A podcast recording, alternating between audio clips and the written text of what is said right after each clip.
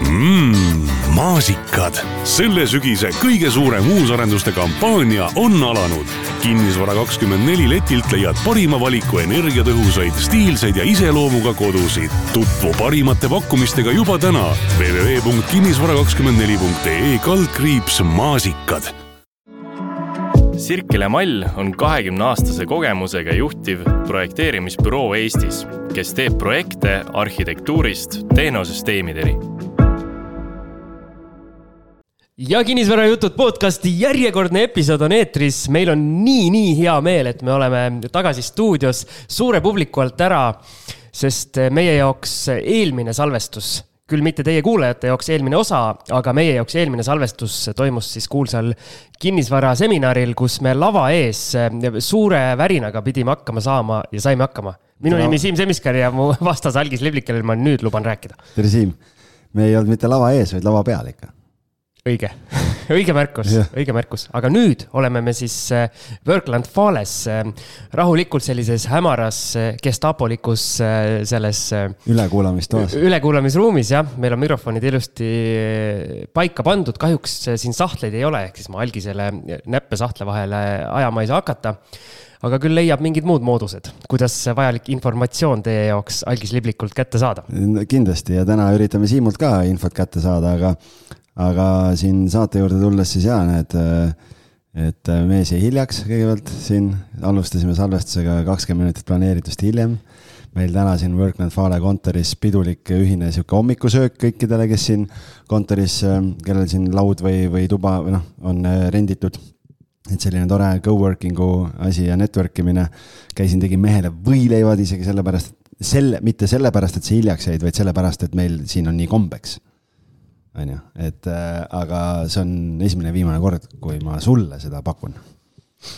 Millega sa ennast välja vabandad? alguses mul tuli selline mm, rõõmus, rõõmus pisar silma, aga siis, kui sa oma selle jutu lõpetasid, siis. vajus mokk töllakile kohe ära. siis. Äh, millega sa vabandad välja enda hilinemise juures, sa alati kuulajatele räägid, et mina jään hiljaks. tegelikult aga... oli niimoodi, et ma jäin mõne minuti hiljaks ja miks me alustame pool tundi hiljem salvestust, on see, et mees otsustas lihtsalt kogu sotsiaalmeedia täis äh, pasundada, kuidas äh, ta mulle võileibu pidi tegema no,. muidugi, meil on siin, me oleme viisakad siin Vale Worklandi kontoris, et meil on töökultuur on selline. ja mina olen ka viisakas, sellepärast ma palusingi sul võileibu teha viisakalt palusin. okay, ja hiljaks ja siis nõuab võileiba ka veel. aga äkki läheks nüüd kinnisvara juurde? no lähme. Lähme kinnisvara juurde ja meil tuli selline huvitav mõte, et et vaatame korra ajas tagasi, mida me siin kinnisvarajuttudes teinud oleme ja scroll isime nii kaugele kui osa number kolm. see oli päris algus, kui me olime päris, päris puised äh,. algisel oli vaja ikkagi sellist äh, nii-öelda raadiokarismat hakata alles siis koguma. mina olin juba päris hea. hääl värises. okei, okei, nali. sina olid juba siis hea, jah? ma olin juba siis hea, jah ja,. Okay. aga ühesõnaga, mis me tahtsime teha, me tahtsime võtta sellise, sellise teema nagu, kuidas leida sobiv investeerimiskorter ja seal vist oli veel lisa nii-öelda alampealkiri, et kuidas. ja mitte lasta endale mütsi pähe tõmmata. just et mõtlesime, et kolm aastat, täpselt kolm aastat põhimõtteliselt on sellest ajast mööda läinud. ja mina olen oluliselt targemaks saanud just äh, väikeinvestori koha pealt. Algis, äh, Algis. noh, on enam-vähem samal tasemel, aga äkki mingeid kogemusi vähemalt. taandareng on ka areng. just, et äkki vähemalt mingeid kogemusi on juurde saanud kolme aastaga ja mõtlesime, et käime sellesama teema uuesti läbi, kuna meil on palju kuulajaid, kes äh, mitte kunagi ei jõua sinna meie saate algusaegadesse, et kes tulevadki kuskilt poole pealt ja liituvad meiega ja see teema, kuidas leida sobiv investeerimiskorter, on ikkagi ajakohane ju igal hetkel ja võib-olla praeguses turumomendis äh, on isegi võib-olla mingeid muid nüansse, millele rohkem keskenduda, kui seda oli kolm aastat tagasi. ja, ja me tegelikult Siimuga leppisime kokku, et me teadlikult, et me kumbki ei kuula seda eelmist saadet ära, et siis. see oleks pärast... nii piinlik, et õnneks pärast ja pärast on ikka huvitav kuulata, et äh, vaadata siis, et, et kui palju nad erinevad, et noh, ma võin etteruttavalt vist ära öelda, et et nad nii palju erinevad, ma arvan, et eelmises osas rääkisin mina äh, päris palju äh,, aga täna ikkagi äh, ma arvan, ma rohkem äh, tahaks just, et sina räägid, sellepärast et sina oled selle kolme aastaga oma portfelli vägevalt kasvatanud, et äh, et on nagu kaks erinevat, mitte erinevat perspektiivi, aga, aga saame siis nii-öelda sekundeerida või oponeerida mingite kohtade pealt ja, ja, ja tegelikult on tookord oli sellist nagu tehnilist poolt võib-olla palju, et mida seal kohapeal siis küsida ja mida teha ja nii edasi, et eks me sellest räägime ka. aga võib-olla täna keskenduks rohkem võib-olla sellisele, sellisele mm, kogemuste nii-öelda baasile siis, et võib-olla ja tehnilisele poolele vähem. just, ja äkki hakkame siis otsast minema, et äh, algis on jaganud äh, selle teema nii-öelda suurteks alampunktideks, kus siis eraldi, eraldi tähendab suurteks punktideks, kus eraldi alampunktid veel välja kirjutatud, et hakkame selliselt äh, minema mööda seda redelit ja vaatame, kuhu me välja jõuame ja mis, äh, mis kogemusi ja mis infot me suudame siis äh, iga punkti juures pakkuda, aga kõigepealt on vaja siis asjad enda jaoks läbi mõelda. nojah, selles mõttes, et kui sa plaanid seda sammu teha, siis, siis tuleks kõik, kõik asjad ju enne nagu läbi mõelda ja see strateegia paika panna, et sa ise nagu saaksid aru üldse, et mis su võimalused on ja mida, mida sa ostma lähed. muidugi siin on üks oluline märkus veel, mida ma ütleks, et äh, selle juures ei tohi üle mõelda. et see on võib-olla see asi, mis väga paljusid inimesi hoiab tagasi, et nad hakkavad enda jaoks sealt sääsest elevanti tegema ja, ja siis jäävad need vajalikud sammud täitsa, täitsa tegemata ehk siis seal läbimõtlemisel, ähm, mida on äh, vaja siis läbi mõelda ja paberile panna, alustame sellest, et kui palju sul raha on ja kui sa kasutad võimendust, kas siis kodulaenu või ärilaenu? nojah, selles mõttes, et tegelikult väga paljud ju täna alustavad äh, oma investeerimisteekonda sellest, et kasutatakse äh, kodulaenu võimalus ära või siis, kui on juba kodulaenu võetud kunagi, siis nüüd. või on juba viis kodulaenu võetud. või jah, või, või on siin on veel võimalus jah, et on aastate jooksul siin äh, kodulaenu teed kasutatud, on ju, aga, aga et mul on täna päris mitu klienti, kellega ma töötangi, kes äh, tahavad kodulaenuga osta. pangad muidugi äh, praegu ei kuula meie saadet, on ju, et nemad teavad, et ainult investeerimislaenuga ostetakse või ärilaenuga siis, hüpoteekidega, et, et vaatame siis, vaatame siis kumma strateegia puhul, mis on nagu oluline, et Siim, sina ju investeerimiseks teadlikult nagu kodulaenu äh, piletit pole kasutanud. just, et minul, äh, nagu sina ka tead, see nii-öelda väikeettevõtjate võlu ja valu on see, et panga silmis sa oled mitte keegi, eriti kui sul veel kolm last ka nii-öelda kuskil küljes ripub, et põhimõtteliselt jah, ohtlik element, et tuleks likvideerida sellised. aga mina jah, siis alustasin äh, portfelli ehitamist äh, alustasingi kolm aastat tagasi umbes äh, teadlikult äh, ikkagi kohe ettevõtte alt ärilaenudega ja, ja kõik ostud, välja arvatud siis mul on üks korter, nii-öelda vana kodu, mis mis ei ole ärilaenuga. et ülejäänud on kõik ostetud puhtalt ettevõtte alla, kohe siis ärilaenu taotledes. ja, ja lihtsalt ega seal ongi, ma arvan, täna on lihtsalt see, et, et noh, kui sa ärilaenu tahad et kui sa ärilaenu tahad, siis äh, selles mõttes ju seal on ikkagi jälle omad tingimused ja kriteeriumid, et noh, kodulaenuga, kodulaen tundub äh, nagu, kuidas ma ütlen, mitte tehniliselt, aga ta tundub lihtsam selles mõttes, et noh, valid välja ja, ja saadad ära ja kas sul on laenuvõimekus või ei ole ja, ja suudad pangale ära põhjendada, miks sul seda teist kodulaenu juurde on vaja ärilaenuga tihtipeale on keerulisem, sellepärast et seal on siis, kui ettevõtte alla osta juba, siis on seal muud kriteeriumid, mis mängu tulevad ja nendest räägime ka siis. no ärilaenu puhul praegu, kuna see intressitõus on nii massiivne olnud, Euribori mõjutab nii kodulaene kui ärilaene, et Äh, suurusjärk on siis kaheksa-üheksa protsenti, äh, mis sul tuleb Excelisse panna ärilaenu puhul, et need numbrid hakkaksid korteril välja jooksma. ja seetõttu ilmselt sinu kliendid ka, paljud, kellel võib-olla on ka ärilaenu võimekus, vaatavad just praeguses turuolukorras äh, siis kodulaenuga mingit järgmist objekti ja, ja tegelikult lihtsalt võibki siin, kes ei ole veel kuulanud, võib endale kirja panna, et äh, sellest, et kui ärilaenuga või nii-öelda ettevõttele osta siis investeerimiskorterit, et kes saavad laenu, kes ei saa, äh, mis on oluline teada, siis meil on LHV käinud kaks korda saates külas ja need saated on kolmkümmend kaks ja sada kakskümmend üks, et soovitame kindlasti need saated ära kuulata, et seal väga põhjalikult rääki-, rääkisime sellest, et äh, et mis need nagu suures pildis, mis need tingimused siis on, et. ja selles teises osas tegelikult oli ka kodulaenu äh, pool ju, äh, pool ja, saadet. jah, just, et seal oli ka oli ka, olid Kätlin ja Marko, siis Marko oli ärilaenude nagu ettevõtete finantseerimise poole pealt ja Kätlin, vot seal oli siis era, nende kodulaenude poole pealt, et. aga ühesõnaga enne, kui saab siis äh, seda nii-öelda kuulsat Excelit hakata kirjutama enda jaoks mingi objekti kohta, siis tuleb välja selgitada oma laenuvõimekus. ja ülitähtis punkt, ära jää kinni oma kodupanka. mina ka alguses saatsin päringud välja kõikidesse pankadesse ja hiljem, kui ma olen ühe korra kogu portfelli refinantseerinud, see oli siis, äh, kui meil praegu on mis aasta, kaks tuhat kakskümmend kolm, kaks tuhat kakskümmend kaks äh, lõpus detsembris, siis ma samamoodi saatsin päringud välja kõikidele pankadele ja sain siis väga hea pildi ette, et kes mida pakub, kes mida tähtsamaks peab antud ajahetkel. sest on nii-öelda pankadel on erinev riskiisu, me oleme seda kuulnud. Neil on erinev, äh, erineval ajal erinev, erinev äh, nii-öelda hulk kapitali, mida nad tahavad nii-öelda laenuna välja anda, et see kõik eh,. ei tasu seda kuulata, et kui sul sõber ütleb, et oo oh,, mul oli Swedbankiga kõige paremini, läks kõige libedamalt ja teine sõber ütleb, et ei, mul LHV-ga läks kõige libedamalt, et see on vastavalt eh, isikule või vastavalt ettevõttele, vastavalt äh, ajahetkele ja vastavalt objektile ja absoluutselt. jah, ja karjäärile kõigele, sellepärast et noh, et äh, erinevatel pankadel on erinevad kriteeriumid, et mõni, mõni nagu soosib ettevõtjaid ka, teisel, teisel juhul mõni pank nagu taha, nii kui ettevõtlusmängu tuleb, nii on kohe juba see riskitegur on suurem ja, ja see, et sa oled selles pangas kakskümmend aastat klient olnud, ei tähenda mitte midagi et igal juhul saatke päringud kõikidele pankadele, võib-olla hiljem, kui teil on juba mingi portfell mingis pangas, siis, siis on see läbirääkimine lihtsam, kui teil on kindel laenuhaldur juba endal olemas, siis võib-olla ei pea enam päris niimoodi kogu aeg iga objektiga eh, nii-öelda kõiki võrke välja viskama, aga, aga esialgu esimese objekti puhul minu kindel soovitus on see. jaa, olen nõus nii, ja siis äh, saad teada oma laenuvõimekuse, isegi kui sa kodulaenuga siis üritad, äh, üritad investeerida, samamoodi ülioluline, kui palju sa laenu saad, sa pead teadma. Ja enam-vähem öeldakse sulle alguses need tingimused ka.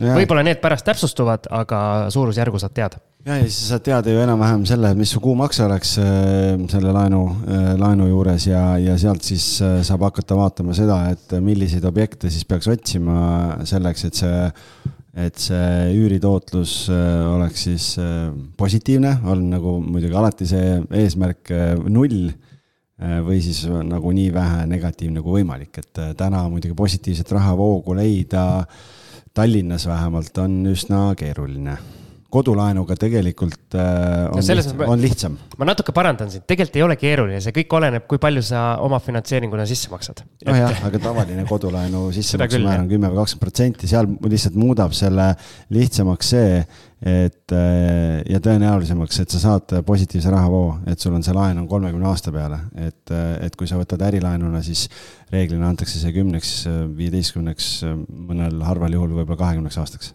jah, et praegu kui äh, oli see buumiaeg, siis oli väga raske, vähemalt minu enda kogemusest oli väga raske pikemat graafikut kui kümme aastat saada ärilaenuga just.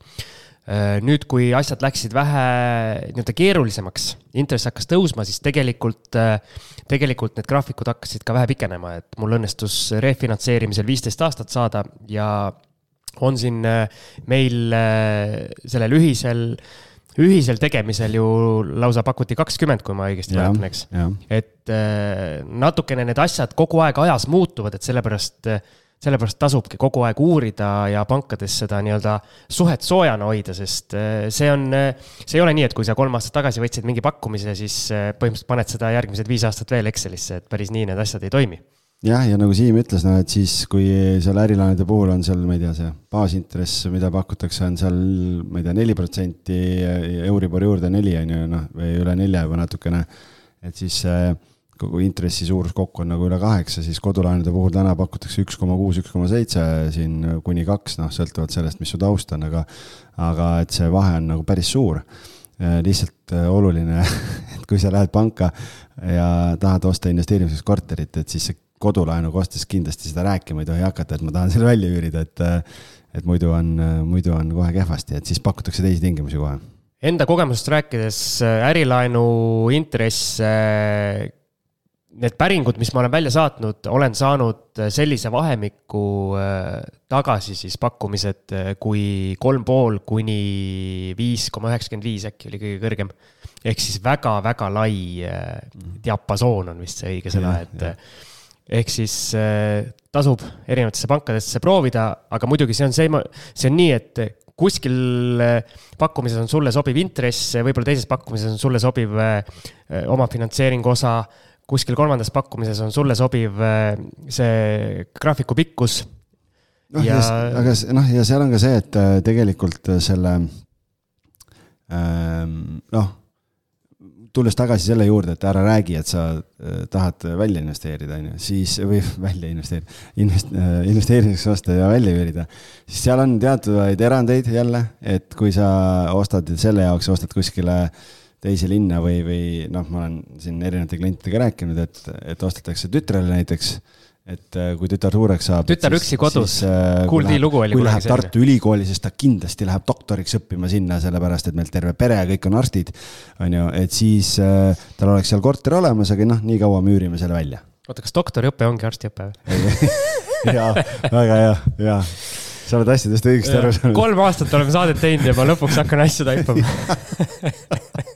tervitame kõiki arste ja, ja doktoreid. nii, okei okay,, lähme edasi ah,. Ma, ma tahaks rääkida veel rahavoost, et äh, siin äh, mulle tundub, et kohati fetišeeritakse üle seda nii-öelda positiivset rahavoogu. et äh, on mingid olukorrad, me oleme isegi selle kohta äkki boonusosa teinud või oleme kuskil põhi. boonusosa vist. boonusosa vist tegime, et on mingid kindlad olukorrad investori jaoks ja situatsioonid, kus see positiivne rahavoog ei ole kõige elementaarsem või kõige nii-öelda esmatähtsam. et kes tahab, otsib selle boonusosa ülesse aga lisaks raha poole, siis tuleb ikkagi muid, muid asju ka jälgida. No jah, seal on lihtsalt jälle see, et kui, kui sa täna kuulad äh, seda saadet ja sa ei ole veel ühtegi korterit ostnud, noh siis ilmselgelt, kui sa esimese korteri ostad ja su rahavoog on väga negatiivne, siis, siis võib. see asi võib sinna lõppeda. jah, siis see võib nagu kehvasti lõppeda, on ju, aga teistpidi on jälle see, et kui sul on täna portfellis juba mingid korterid olemas ja sulle muude positiivse rahavooga objektide vahele satub üks, mille rahavoog on natukene negatiivne, siis, siis suures plaanis tegelikult nii, nii katki midagi ei ole minu nii-öelda isiklikku portfelli välja tuues, siis mul on, kui korterid eraldi lükata, siis üks korter on negatiivse rahavooga ülejäänud on kõik positiivsega, aga kogu portfell on äh, nii-öelda üsna, üsna hästi positiivses, kuna sai äh, laenud ka refina-, refinantseerida, ehk siis äh, mida ma veel panen südamele, mida me oleme ka rääkinud. kui sa teed oma selle esimese investeeringu ära, siis need tingimused, mis sa saad, laenutingimused, need ei ole sul kivisse raiutud selleks, ma ei tea, kümneks või viieteistkümneks aastaks või kolmekümneks aastaks, kui sa kodulaenuga võtad, vaid neid tööriistu, mida vahepeal kasutada, et oma seda seisu, kasvõi rahavoogu või, või mida iganes parandada. Neid on tööriistakastis päris mitmeid. ja ma jõin vahepeal lumiorava vett, vabandust, mul suu vett täis. Sa ei mallanud oodata pausi, et lumiorav siin. täna läheb hästi kuidagi. põles laua peal sul. jah.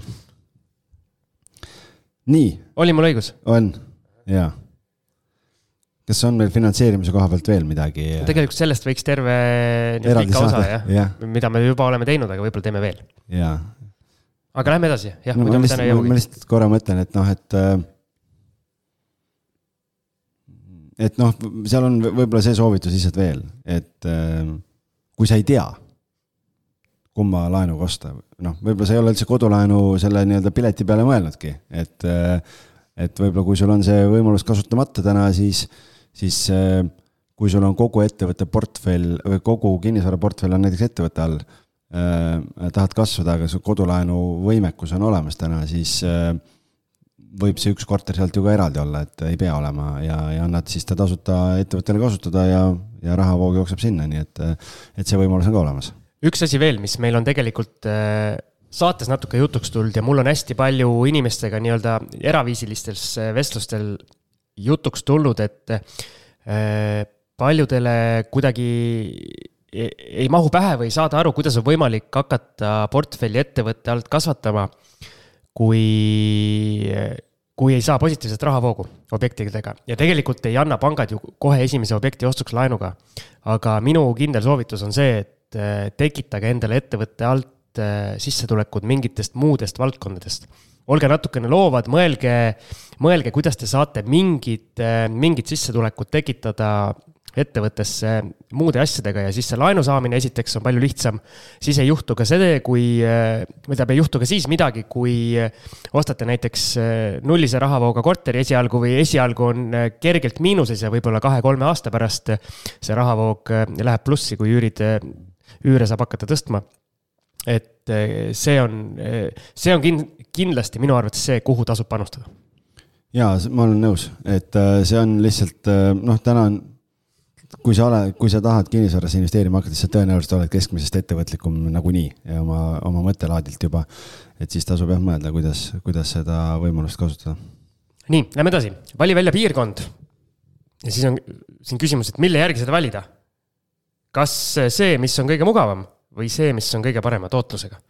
noh, selles mõttes on äh, lihtsalt, et kas äh, noh, klassikaline soovitus on ju see, et kui sa alustad, et siis kodu lähedale on äh, suhteliselt nagu väikse riskiga selles mõttes, et sa tunned piirkonda ja, ja võtad ja sul on nagu halduspoole pealt ka lihtne, sellepärast et, et kui ta on sul seal kümne, viieteist, kahekümne minuti raadiuses, noh siis kui on mingi mure, sa saad kohe kiiresti lahendada, aga kui sa täna elad, oled täna Tallinnas ja, ja vaatad, et oi, et Viljandis või Võrus on äh, jube äge tootlus või meil oli siin paar osa tagasi oli Lehtse ja Tapa käis ja siin viisteist protsenti on tootlust, et oh, ostan sinna siis tegelikult sa peaks nagu arvestama nagu need muud kaasnevad tegurid ka sinna juurde, et, et kui midagi juhtub, kas ma saan minna, kõik, kõik need asjad, kütusekulud, aeg, kõik, kõik need asjad sinna juurde, et kas siis see tootlus ka sinu jaoks nii hea on, et. Äh, mina oma kogemuse pealt ütlen, kuna mina olen toimetanud äh, siis äh, nii-öelda üsna laia lehega Harja, Harjumaa, Harja Harja maakonnas, Harju maakonnas, siis äh, mul on mingid objektid, mis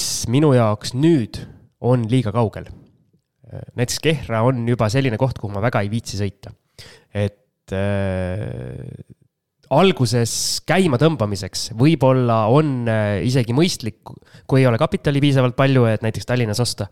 võib-olla on mõistlik vaadata kuskile kaugemale, aga kindlasti tuleb endale kas siis äh, nii-öelda kütusenumbritena Excelisse kirjutada või lihtsalt läbi mõelda see, et äh, sõiduaeg, nii-öelda kõik see, kui sa veel ise seal hakkad midagi tegema ka oma kätega, mingit väikest äh, nii-öelda remonti.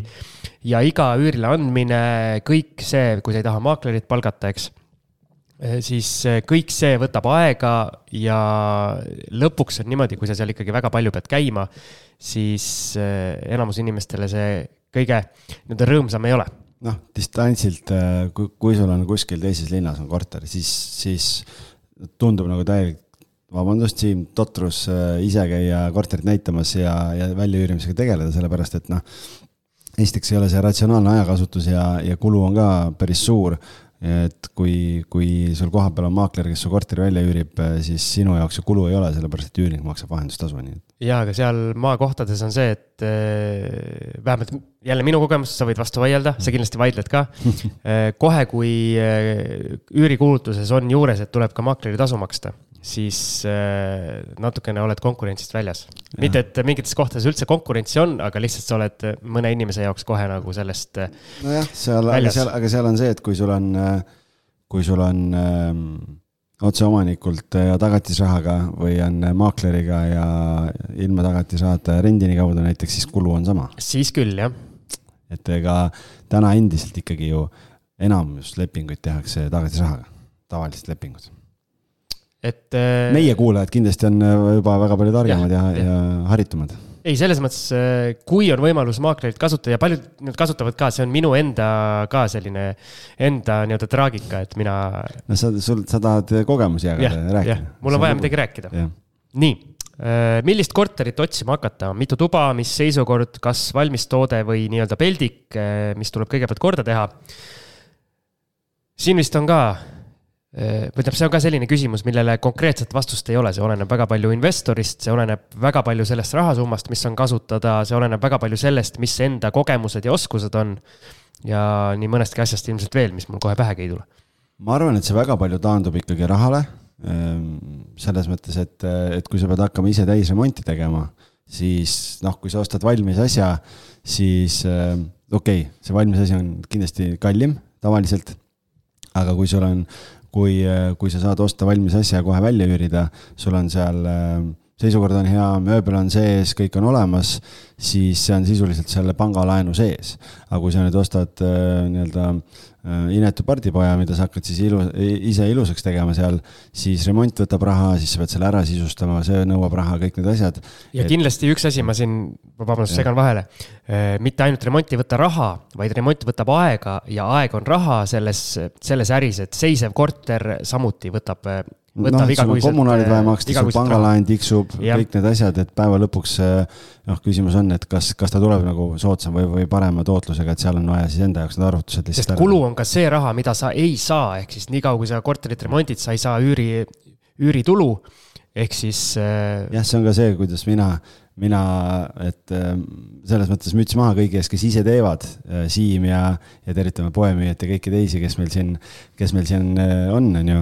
Aga, aga noh, seal on see, et teed ise, siis reeglina läheb lihtsalt kauem ja minu küsimus alati ongi see, et noh, et kui sa arvestad sinna sisse ka selle, et sa pead ise samal ajal laenu maksma ja kommunaale maksma ja enda töötunnid ja asjad kõik kirja paneks, on ju, versus see, et sa palkad kellegi ja sul kuuekuuse remondi asemel saad kahe kuuga tehtud ja välja üürida, siis äh, tegelikult see on jälle see, et võib-olla see nii-öelda odavam ei ole tegelikult odavam, kui sa ise teed, et, et see jälle sõltub. just, et tasub oma nii-öelda ajalisi ressursse ka õiglaselt hinnata, mitte ja. nagu mul on tavaks, et lihtsalt mõelda, et ah, see ei ole nii suur asi, et ma teen selle igal juhul ära ja siis pärast oled ports. sul viimase korteriga oli vist, et mõtlesid, et teed kerge, kerge värskenduse, aga siis ikkagi sattusid hoogu ja tegid täitsa, täitsa uueks. no kui hakkad juba tegema, noh no., mida sa pool teed uueks ja pool jätad vanaks, see ka ei kõlba nagu väga hästi. okei okay aga üks asi, mis ma tahtsin siin, siinkohal öelda, siis tubade, tubade küsimus. minu, minu kogemus seni äh, ütleb, et ühetoalistel on äh, minekud sisuliselt, sisuliselt igal pool, vähemalt kõigis nendes kohtades, kus mina olen tegutsenud, on ühetoalistel olnud, äh, olnud minekut ja mis ma tahtsin veel öelda, muud ei tahtnudki öelda. noh, mina ütleks toalisuse koha pealt sedasama, et ma olen Siimuga nõus, et ühetoalisel on, on hästi. mingi kontingent on alati. seal on jälle see, et ja siin noh, võime, võime ka eraldi kõik nagu need toa, toalisused läbi käia, et seal on omad plussid ja omad miinused. ühetoaliste puhul muidugi üks variant on see, et sa ostad üürivanni on ju, kaksteist ruutu, seitseteist ruutu ja, ja saad väga okei tootluse sealt, et on selline pisikene. teine variant, kust kust saab või mida võib vaadata või mida ma soovitan vaadata, on sellised äh, natuke suuremad ühetoalised, ütleme kolmkümmend üks, kolmkümmend kolm ruutu, osad on sellised teatud majades. seal tasub vaadata nagu sellise planeeringuga kortereid, kus see, kus see elutuba on hästi suur ja seal annab võib-olla niimoodi teha, et sa ehitad kas mingi pooliku seina vahele või teed mingi sellise, paned riidekapi või midagi, et sa eraldad selle, selle elutoa niimoodi ära, et et, äh, et sul on nagu magamistoa osa on eraldi ja elutoa osa on eraldi, et tegelikult annab väga kihvtilt teha. et oleme ise teinud siin mingitele klientidele selliseid kortereid ja see annab kohe võimaluse üüri tõsta jälle, sest ta on justkui nagu kahetoaline nagu noh, tärniga. et, äh, et, et see on, see on nagu teine pool. et äh, kahetoalistest rääkides lihtsalt see on ühest küljest kõige raskem segment, kuhu minna, sellepärast et seal on pakkumist lihtsalt kõige rohkem, ükskõik noh, see on lihtsalt ta on ja seda pakkumist on kõige rohkem sellepärast, miks nagu miinus on see, et konkurents on kõige karmim, on kahetoaliste hulgas. noh, Tallinnas on nelikümmend viis protsenti kõikidest üürikorteritest, mis pakkuda on, on kahetoalised. noh, et seda on päris palju, kogu Tallinna peale üle seitsmesaja on ju. mul on praegu. portfellis üks kahetoaline, mille ma siin äh, suvel välja üürisin ja siis, siis joosti tormi, aga ma vist äh, sinu jutule tuginedes äh, sain õigel ajal nii-öelda oma oma sellest asjast lahti. ja, ja, ja et praegu on ikkagi kahetoalised, noh, me salvestame seda, kes kuulab äh, kunagi hiljem seda siis kaks tuhat kakskümmend kolm oktoo-, äh, kes kuulab, siis me salvestame seda kunagi hiljem. ja, kes, kes kunagi hiljem kuulab, siis me salvestame seda jah, septembri lõpp on praegu kaks tuhat kakskümmend kolm siin ja, ja praegu Tallinnas on jah, üürikortereid kokku üle tuhande kuuesaja ja kahetoalisi on peaaegu seitsesada viiskümmend ehk nelikümmend viis protsenti, et see on see on väga suur pakkumine ja korterite väljaüürimise periood on tunduvalt pikenenud ja ikkagi praegu tuleme üürihindades vaikselt alla, sellepärast et äh, huvilisi on vähe. aga kahetoalistega on jälle see, et ta on, ühest küljest ta on nagu raske konkurentsiga koht, aga teisest küljest on ta jälle hea, sellepärast et äh, see potentsiaalset üürnike nii-öelda hulk on väga suur, sinna võib tulla üksik inimene, võib tulla kahetoalisse, võib tulla noorpaar, sul võib olla seal ühe lapsega, osad isegi kahe lapsega elavad kahetoalises korteris. et, et see segment on üsna lai tegelikult. kui sul on äh, nii-öelda üürniku jaoks atraktiivse hinna-kvaliteedi suhtega korter, siis sa nii-öelda mõjutad äh, või kõnetad kõige laiemat üürnikubaasi. just, just, just. ja noh, kolmetoalistega on jälle, et äh, et ma ütlen, et äh, kolmetoalised, äh, klassikaline kolmetoaline on ju kuuskümmend, seitsekümmend ruutu ja, ja siin on jälle kaks äärmust, on ju, noh, et äh, kui me räägime sellest, et saada hea, võimalikult head tootlust, noh, siis tasub vaadata, noh, ma just praegu näiteks otsin üürniku ühele kolmetoalisele, mis on nelikümmend kaheksa ruutmeetrit. et, et ta on kahetoalisest ümber ehitatud kolmetoalis, kolmetoaliseks, paberimajandus on, kõik on korras, et on väga, väga kihvtilt tehtud Eh, et noh, seal on lihtsalt see, et eh, sul on, eh, sa saad üüri mõistes, kas ta on nelikümmend kaheksa ruutmeetrit või on ta viiskümmend kaks ruutmeetrit või ta on kuuskümmend ruutmeetrit, see üürisumma vahe ei ole nii suur. aga tänu sellele sa saad küsida natuke kõrgemat üüri, võib-olla nii-öelda ruutmeetri kohta siis kui mõne suurema korteriga, sellepärast et kommunaalid on madalamad. et see on see, see pluss minul on portfellis kaks kolmetoalist, üks on selline nii-öelda klassikaline kolmetoaline küll mitte, mitte liiga suur, aga sellega, ma ütlen niimoodi, et kolmetoalisega mi, minu kogemus öö, on raskem välja anda. aga üürnikud on, on püsivamad kui näiteks ühetoalistega. ühetoalist on ülilihtne välja anda, aga sa pead seda lihtsalt, tõenäoliselt sa pead seda lihtsalt tihemini tegema, kuna see nii-öelda üürnik tuleb, üürnik läheb, üürnik tuleb, üürnik läheb. esiteks ta on võib-olla sellise noh, ta on kas noor inimene või võib-olla liikuva elustiiliga või, või ongi see, et ta on ähm, mingil hetkel tahab upgrade ida, tahabki tüdrukuga kokku kolida või, või boyfriend'iga ja võtavad kahetoalise, noh, kõik sellised asjad. teine äärmus jälle, see on nüüd küll selline nendele inimestele võib-olla, kes nagu luksuskinnisvarasse rohkem tahavad investeerida, siis on, ma olen tähele pannud, et äh, kolmetoalised, suured kolmetoalised, üheksakümmend kuni sada ruutu, kui planeering on nagu hästi läbimõeldud ja kommunaalid on mõistlikud, siis äh, tegelikult äh, sinna, seal on ka oma segment, kes tegelikult selliseid korterid otsivad, ma just üürisin ühe uusarenduse korteri välja, kolmetoaline, ähm, sada ruutu ja tuhande kaheksasaja euroga läks välja, et selles mõttes see on nagu teine äärmus jälle, aga noh, või kui me räägime nagu nii-öelda alustavast või väiksest kinnisvarainvestorist, siis see tõenäoliselt võib-olla ei ole see segment, kuhu sa panustad, sellepärast et see sisenemisläbi on üsna kõrge lihtsalt. ja Algis juba natuke puudutas seda, seda varianti ka, et äh, ma toon jälle konkreetse näite, mul viimane see Saue korter, paberite järgi kahetoaline, funktsionaalsuse mõttes kolmetoaline, kuna suurde elutuppa on äh, ehitatud eraldi, siis äh, eraldi siis selline nii-öelda kolmas tuba, mis nii-öelda ametlikult ei saa kunagi kolmandaks toaks, kuna ta on liiga väike ruutmeetrite poolest, aga kuna seal on eraldi aken sisse jäetud, siis äh, funktsionaalsuse mõttes täiesti normaalne tuba.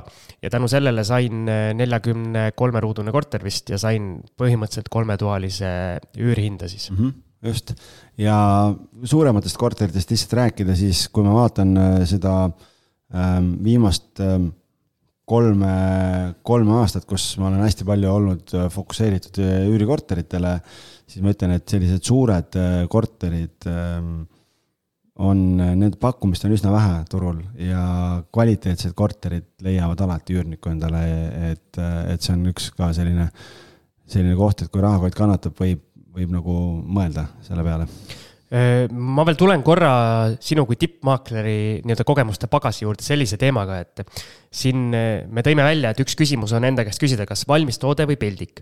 aga räägi, kui palju üüritakse välja ja kas on üldse turgu sellisele, sellisele tootele, kus ongi korter sel-, noh, ta on nii-öelda puhas ja korralik aga remont ongi tehtud kümme, viisteist aastat tagasi, võib-olla kakskümmend aastat tagasi, et on lihtsalt nagu ajale, ajale juba jalgu jäänud kas äh, nii-öelda õige, õiget hinda küsides äh, sellised asjad lähevad välja? Äh, lähevad ikka, ma üürisin siin Lasnamäel ühe kolmetoalise välja kuuesaja euroga, kus on ka, korteri seisukord on hea, aga noh, mööbel oli sihuke, köök oli paarkümmend aastat vana ja, ja vannituba ja oli, oli sihuke nii ja naa.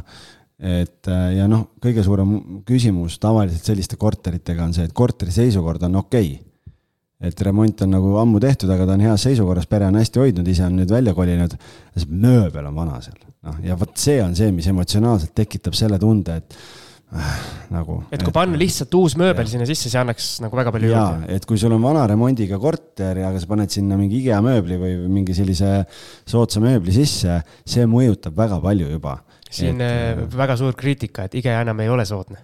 okei okay,, noh siis äh, lähed, võtad äh,, ma ei tea sa ei tea neid soodsaid kohti? võtad marketplace, võtad, võtad marketplace'ist siis ja, ja, ja ostad äh, sinna ja, ja siis noh, et see on üks variant, aga täna ma ikkagi ütlen seda, ma just käisin eile ühte korterit vaatamas, mis võib-olla tuleb müüki ähm,. suur viietoaline, sada, sada kolmteist ruutu ja, ja ja seal oli nagu, aga noh, see ei lähe üürile, vaid müüki, ma ütlesin, et nagu see noh, korra käis küsimus läbi, et aga äkki pannakse üürile. siis ma ütlesin, kui sul on korter on nagu äh, sellises average, äh, keskmises seisukorras, et nagu vajaks remonti ja, ja jääb selline mulje, et on nagu ligadi-logadi, siis üürnik on ka ligadi-logadi. sellepärast, et ta, kui ta vaatab, et noh, et see seisukord on nagu, nagu selline, selline lohakas või, või kuidagi nagu. siis ta ei viitsi ise ka pingutada. miks ma siis pingutan nagu et selles mõttes sellega sa natukene võib-olla nagu paned ise mingi sellise vale standardi või kuidagi sellise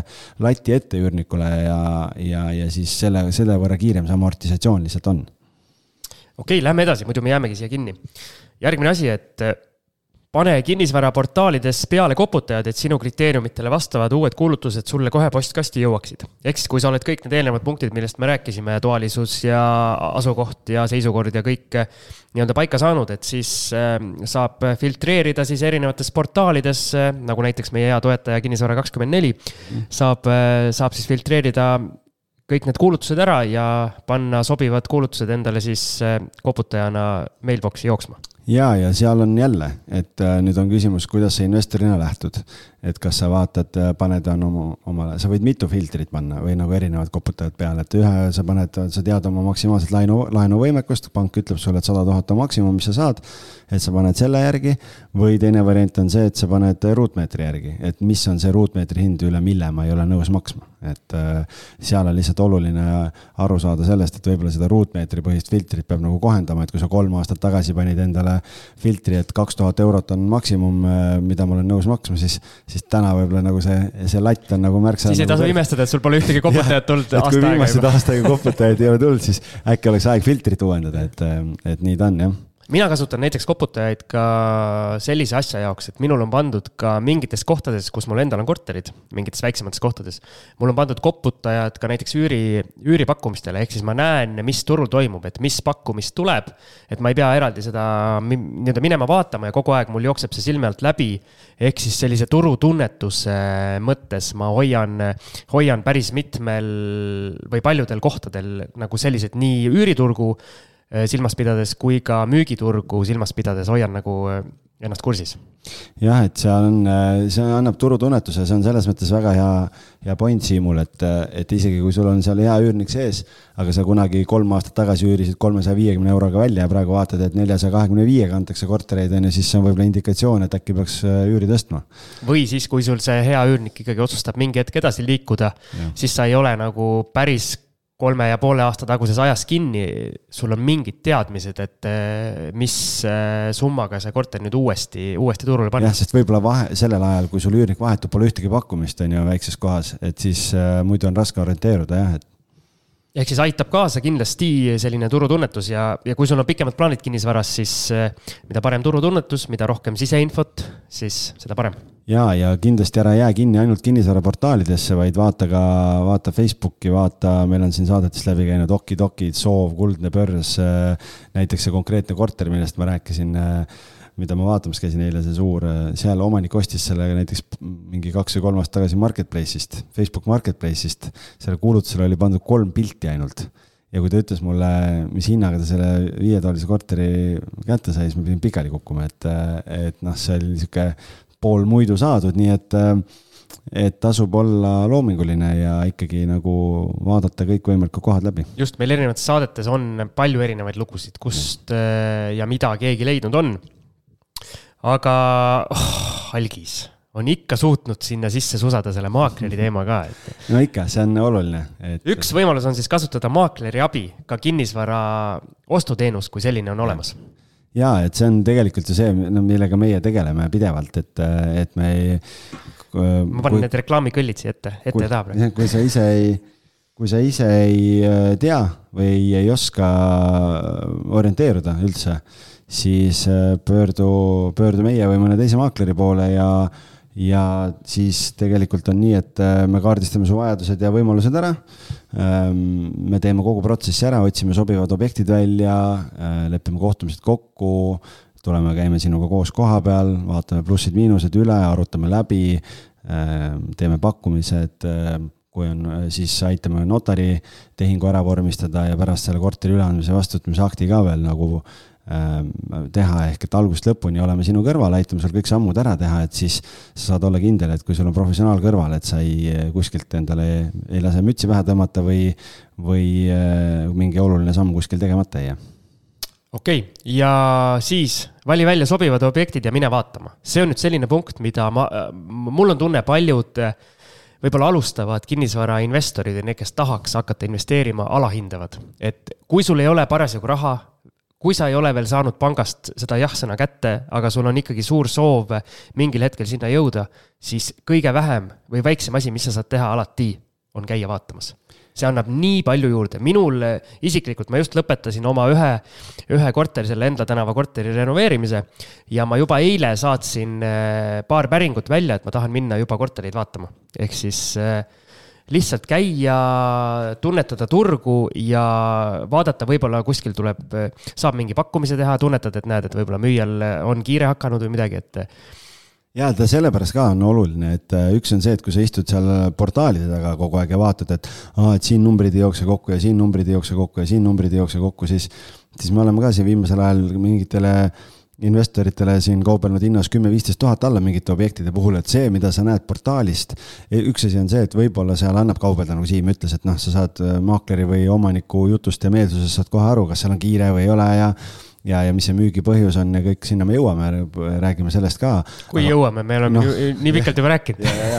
aga point on selles, et, et see annab ka selle tunnetuse, et kui sul täna on eelarve sada tuhat, kui sa käid koha peal ja vaatad, vaatad mingeid ühetoalisi, vaatad mingeid kahetoalisi, vaatad erinevaid piirkondi mm,, erineva suurusega kortereid, sul, siis sul tekib see turutunnetus, nagu Siim ütles, et sa saad aru, et sama raha eest võib saada väga erinevat asja. just, ja üks asi, mida vaatamas käies alati ekspluat-, ekspluateerida täiega, on maaklerid hakata normaalselt juttu ajama, küsida, näiteks kui ma ostan selle korteri, mis sa arvad, mis üürisumma eest see võiks välja minna.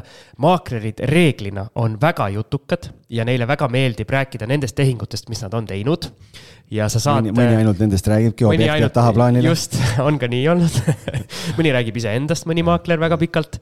aga ühesõnaga, mida rohkem maakler räägib, seda rohkem informatsiooni sina saad ja võib-olla ühe maakleri jutust ei tasu nii-öelda hakata endale mingeid konkreetseid järeldusi tegema. aga kui sa käidki ühes piirkonnas kahte, kolme, nelja, viite korterit vaatamas, näed kolme-nelja erinevat maaklerit ja paned need jutud kokku, siis tegelikult see on selline üliväärtuslik info, mida sa kuskilt mujalt ei saa, sest eh, need hinnad, mis on portaalides, nagu Algis ütles, erinevad oluliselt lõpuks nendest hindadest, millega reaalsed tehingud toimuvad. ja kui sa ei ole Siim ja kasutad pärast maakleri abi, siis sa võid sealt leida ka selle maakleri, keda pärast kasutada, et kes sulle kõige professionaalsema mulje jättis, on ju. et, äh, et seal on neid plusse on rohkem, aga, aga jaa, selles mõttes, et kui sa käid koha peal, siis äh, sul tekib tunnetus siis sa saad aru, milliseid küsimusi küsida ja mis on need vahed, sellepärast et kui sul on kaks korterit, seal on ühistus võib olla väga suur erinevus äh, remondifondides, laenumaksetes, kommunaalarvetes, noh, neid nüansse tegelikult on nagu väga palju.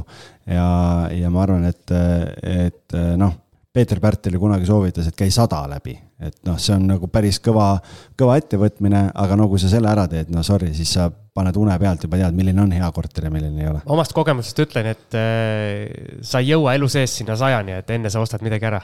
Jah, noh, aga see on ju positiivne. jah, just. Ja.. aga üks asi veel, mis mul praegu meelde tuli, on see, et alati tasub maakleritele selles osas enesekindlalt teada anda, et näed, et äh, ma olen investor, otsin selliseid ja selliseid kortereid sellises, sellises piirkonnas, et kui on midagi müüki tulemas, et mulle võib alati pöörduda või tähendab, minu poole võib alati pöörduda, et äh, ma võin olla huvitatud. ja see on jumala õige point ja sealt võib tegelikult äh, tulla mõni objekt, mis võib-olla avalikku pakkumisse ei jõuagi, et kui meil on ka, meil on ostukliendid kõigil olemas ja kui mõni objekt tuleb, siis me omavahel koosolekul vahetame infot.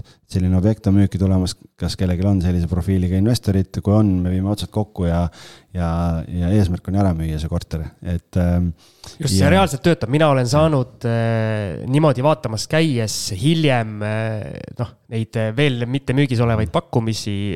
ehk siis see reaalselt töötab, see ei ole mingi -hmm. nii-öelda luul või mingi. mina ühe investoriga praegu suhtlen ja ta ütles ka, et ta vaatab väga laia horisondiga ta ütles, et kui sul midagi on tulemas, kus on võimalus väärtust kasvatada või, või sa näed potentsiaali, et ta võib-olla mingis mõttes ebastandardne või kuidagi, et ta ei ole massitoode, et paku välja ja, ja seesama, millest ma enne rääkisin, viietoaline sada kolmteist ruutu, see tänases turuolukorras ei ole selline toode, millele tormi joostakse, sellepärast et ta vajab renoveerimist, ta on päris kulukas, sellepärast et ta on nii suur lihtsalt, aga mul on kontaktid olemas, kellele välja pakkuda ja, ja võib-olla me saame niipidi selle olukorra lahendatud aga paranda mind, kui ma eksin, seal ilmselt, kui sa maaklerile selle välja käid, siis äh, mõistlik oleks panna ikkagi konkreetsed kriteeriumid, et näed, otsin näiteks ühetoalisi või väikseid kahetoalisi ja selles piirkonnas, et ja mitte nii, et, et, et kui sul midagi jah, tuleb, siis, saada mulle, ja, vaid see, ikkagi, me ikkagi, me ikkagi kaardistame nagu ära profiili, et mida keegi otsib, mis see tootlusootused, mingid asjad on, et kui mul tuleb mingi pakkumine sisse, siis ma teen ju, saan ise kalkulatsioonid kohe ära teha, vaadata, kas see, kas see tema soovidega kattub või mitte ja kui ei kattu, siis ma ei hakka tema aega raiskama, enda aega ka, et nagu lihtsalt mingi spämmida kedagi. just, ja kui sa oled alustav investor ja sul tegelikult ei ole ühtegi korterit, siis ära ole tagasihoidlik selles mõttes, et sa ei pea seda maaklerile ütlema, et sa otsid alles esimest korterit. sa võid öelda, et ma olen investor, minu huvi on, mida ma otsin nii-öelda investeerimisobjekti, sa ei pea ütlema, mitmendat sa otsid. Fake it till you make it, nagu öeldakse. ja, ja et see, need detailid ei ole üldse olulised tegelikult. ehk siis rohkem enesekindlust ja siis hakkavad head asjad juhtuma. ja vähem juttu ja rohkem küsimusi. jah, las maaklerid räägivad. või omanikud ei, omanik siis läheb, siis läheb lappesse. no see on hea, kui omanik räägib, tegelikult. ei no äh, tegelikult on hea, aga kui maakler seal kõrval on ei, või no, siis ei, no, kui sa võib lappesse minna. noh jah, et aga kui sa leiad otse omanikult mingid pakkumised ja, ja omanik rääkima hakkab, siis, siis sealt. siis saab väga targaks. jah, ja sealt tihtipeale nad räägivad ise selle tehingu endal äh, räägivad iseennast sisse. jah, nii-öelda sinna. jah, okei okay,, kui sa omanikuga räägid, siis äh, seda turuinfot, mida tema sulle jagab, seda ei ole mõtet kuulata. jah, et siis on teistmoodi jutud. aga sealt sa saad tihtipeale selle põhjuse või selle emotsionaalsuse kätte. kui valus tegelikult ja, on ja, müüjal, jah. okei okay,, aga tead, mis nüüd on, mul on hull valu ka üks äh, lumiorav sisse tõmmata endale, et äh, teeme pausi. teeme. tähelepanu, kinnisvaraentusiastid. kinnisvaraturg on suvekuumusest taastunud ja nüüd on õige aeg oma kinnisvara raha teenima panna. hetkel on kinnisvara kahekümne neljas eriti suur nõudlus üürikate järele lisa oma pakkumine kuuekümneks päevaks Kinnisvara24 portaali, kasuta sooduskoodi kodu kolmkümmend ja naudi kolmekümneprotsendilist allahindlust. kinnisvara24, kuuluta õiges kohas. nii, lumiorav on manustatud, oluliselt parem hakkas kohe. on, on. mõte on värske. jah, jah. ja, ja suu ei kuiva enam. ja tead, Algis, mis ma tahtsin öelda? Mul, mul väga meeldib, kuidas see senine või see osa seni on äh, välja tulnud, minu meelest äh, me oleme päris head ah,. väga hea, see on, see on tore, kui, kui sa ise rahul oled. ja kuidagi nii-öelda järsku me tavaliselt nüüd tahame teha kaks pausi ja esimese oluliselt varem, kui me praegu tegime, aga vaatame juba nelikümmend viis minutit läinud ja. nii kaua? okei, okei. et äh, enda arvates siis just lülitasime mikrofonid jutumehed sisse. jutumehed jah, ma peaks ka maakleriks hakkama oled oodatud oh seda ei, lähme edasi. Nii, aga järgmine punkt äh, on siis selline äh, kirja pandud meil, et ähm, mida koha peal küsida, aga siin paneme väikese tärni, et võib-olla siit lähme kiiremini üle, kui me seal esimeses osas neid punkte lahkasime, kuna me oleme sellest eraldi rääkinud seal osas number kolm, eks, vähe pikemalt ja. ja mingi osa, kus me tegime kodu ostmise. sada kolmkümmend kaheksa. sada kolmkümmend kaheksa, ehk siis kuulake, kuulake need asjad sealt üle, aga käime ikkagi täna kiirelt läbi. ja, et me siin jah, need küsimused, et mida küsida, käime läbi, aga võib-olla siis mingi pika taustajutu võib-olla siin ja seal kommenteerime, aga, aga nii põhjalik. jah, sest mingid lähe. asjad me käisime juba, juba eelnevalt ka läbi, näiteks ja. see, et miks korterit müüakse. et öö, omaniku käest on öö, kindlasti oleks vaja see info kätte saada, see aitab hiljem seda ostupakkumist teha. jah, et kui sa kuuled, et naabrid ei, ei lase elada, noh siis, siis ilmselgelt peaks nagu reservatsiooniga suhtuma, et äkki ei ole mõistlik osta. ei no aga äkki mul laseksid elada? no või üürnikul laseksid elada. jah, et võib-olla on selles omanikus asi. jah ja. ja.. nii, kui kaua korter müügis on olnud? noh, see annab selle indikatsiooni sulle, et sa tead, kas. kas on mõtet kirvega minna lööma? jah, et kui ta on nädal aega üleval olnud, siis tõenäoliselt võib-olla kohe mingit, mingit ähm, väga madalat pakkumist vastu ei võeta. kui palju tuleb äh,, hästi konkreetne küsimus ja konkreetne vastus. kui sa paned Tallinnas äh, heas asukohas korteri ülesse, esimese kahe tunniga, kui palju tuleb kohe neid kirvepakkumisi? ei, niimoodi kohe ei tule, et neid on ikkagi, pigem on harva. ja, ja, ja, aga mul just oli siin äh, üks korter tuli müüki, mida omanik ise müüs enne ja, ja tuli just üleeile tuli pakkumine kakskümmend prossu müügihinnast alla, kuigi me müüme hindamisakti hinnaga. ja, ja siis omanikuga arutasin seda, siis ta ütles, et vaata seda nime korra, ütles, et kui tema müüs siis äh, seesama inimene tegi talle ka sama pakkumise, täpselt sama pakkumise paar kuud tagasi. et, äh, et päris huvitav äh, olukord, et järjepidev. mina vahest kasutan seda taktikat, et minu silme all olevates asukohtades, kui mingi korter on jäänud väga pikalt müügile, et siis ma lähen seda vaatama, kui ta isegi päris ei ole võib-olla minu see nii-öelda ampluaa, mida ma just hetkel otsin, ma lähen vaatama ja võib-olla teen ka mingi eriti madala pakkumise, et. et umbes sellise mõttega, et noh, kui vastu võetakse, siis saan hea hinnaga asja, kui vastu ei võeta, siis on nagu suva. sest võib-olla on nii valus. aga piinlik ei ole? piinlik ei ole. no väga hea, siis, siis on, siis oled äh, arenenud. nii. kas kort-, ei, mis korterisse jääb? on no, siis küsimus. jah, selles mõttes oluline teada, et kas äh, omanik võtab mööbli kaasa või ei võta ja, ja noh, et mis need kokkulepped seal on, et siis sa tead sellega ka arvestada, sest kui on, kui on korralik mööbel ja ära viiakse, siis see on juba mõned, mõned tuhanded eurod. no ma enda kogemusest äh, ütlen, et siin väga oluline on ka sinu enda eesmärk, ehk siis äh, näiteks, ma toon paar näidet üks kiire flip, mis ma tegin, see nii-öelda mugavusflip, seal minu eesmärk oli, et äh, jääks, äh, kodutehnika jääks sisse, külmkapp ja, ja pesumasin. kuigi müüja tahtis need ära viia, siis minul on lihtsam see, kui need asjad on sees, ma ei pea hakkama kuskile, see oli neljandal korrusel veel, ma ei pea neljandale korrusele hakkama tellima ja vedama mingeid asju. ja siis me vist leppisime mingis hinnas kokku, ma maksin vist mingi soti rohkem või midagi umbes sellist, need on naeruväärset, ehk siis ma rahaliselt eh, igal juhul võitsin ja mugavuses võitsin nagu tohutult, et ma ei pidanud selle peale mõtlema. tehnika oli korralik, eh, nägi ilus välja, ehk siis sobis. või versus teine asi, ühetoaline korter, ma teadsin, et ma hakkan seda renoveerima. Eh, siis minu huvi oli see, et öelda omanikule, et vii kõik tühjaks, mina ei taha mitte midagi ja sest ma teadsin, et minu jaoks on see vastupidi jälle kulu, kui ma pean hakkama ise seda kuidagi realiseerima või kas siis rahaline kulu või ajaline kulu, et. Ma just tahtsin öelda jah, et see ajaline kulu tihtipeale ongi see, et jah, et kui, kui sinna jääb see vana mööbel sisse, siis okei okay, täna on see, et paned äh, marketplace'i tasuta üles ja joostakse pikali. aga ikkagi see on ajakulu ja see suhtlemine. ja, ja, et sa ei saa kohe pihta hakata. just, et äh, tihtipeale müüjatel, äh, nende jaoks on see justkui nagu lisaväärtus, kui on vana mööbel sees, et umbes ma jätan sulle mööbli. aga see oleneb nagu ostja profiilist.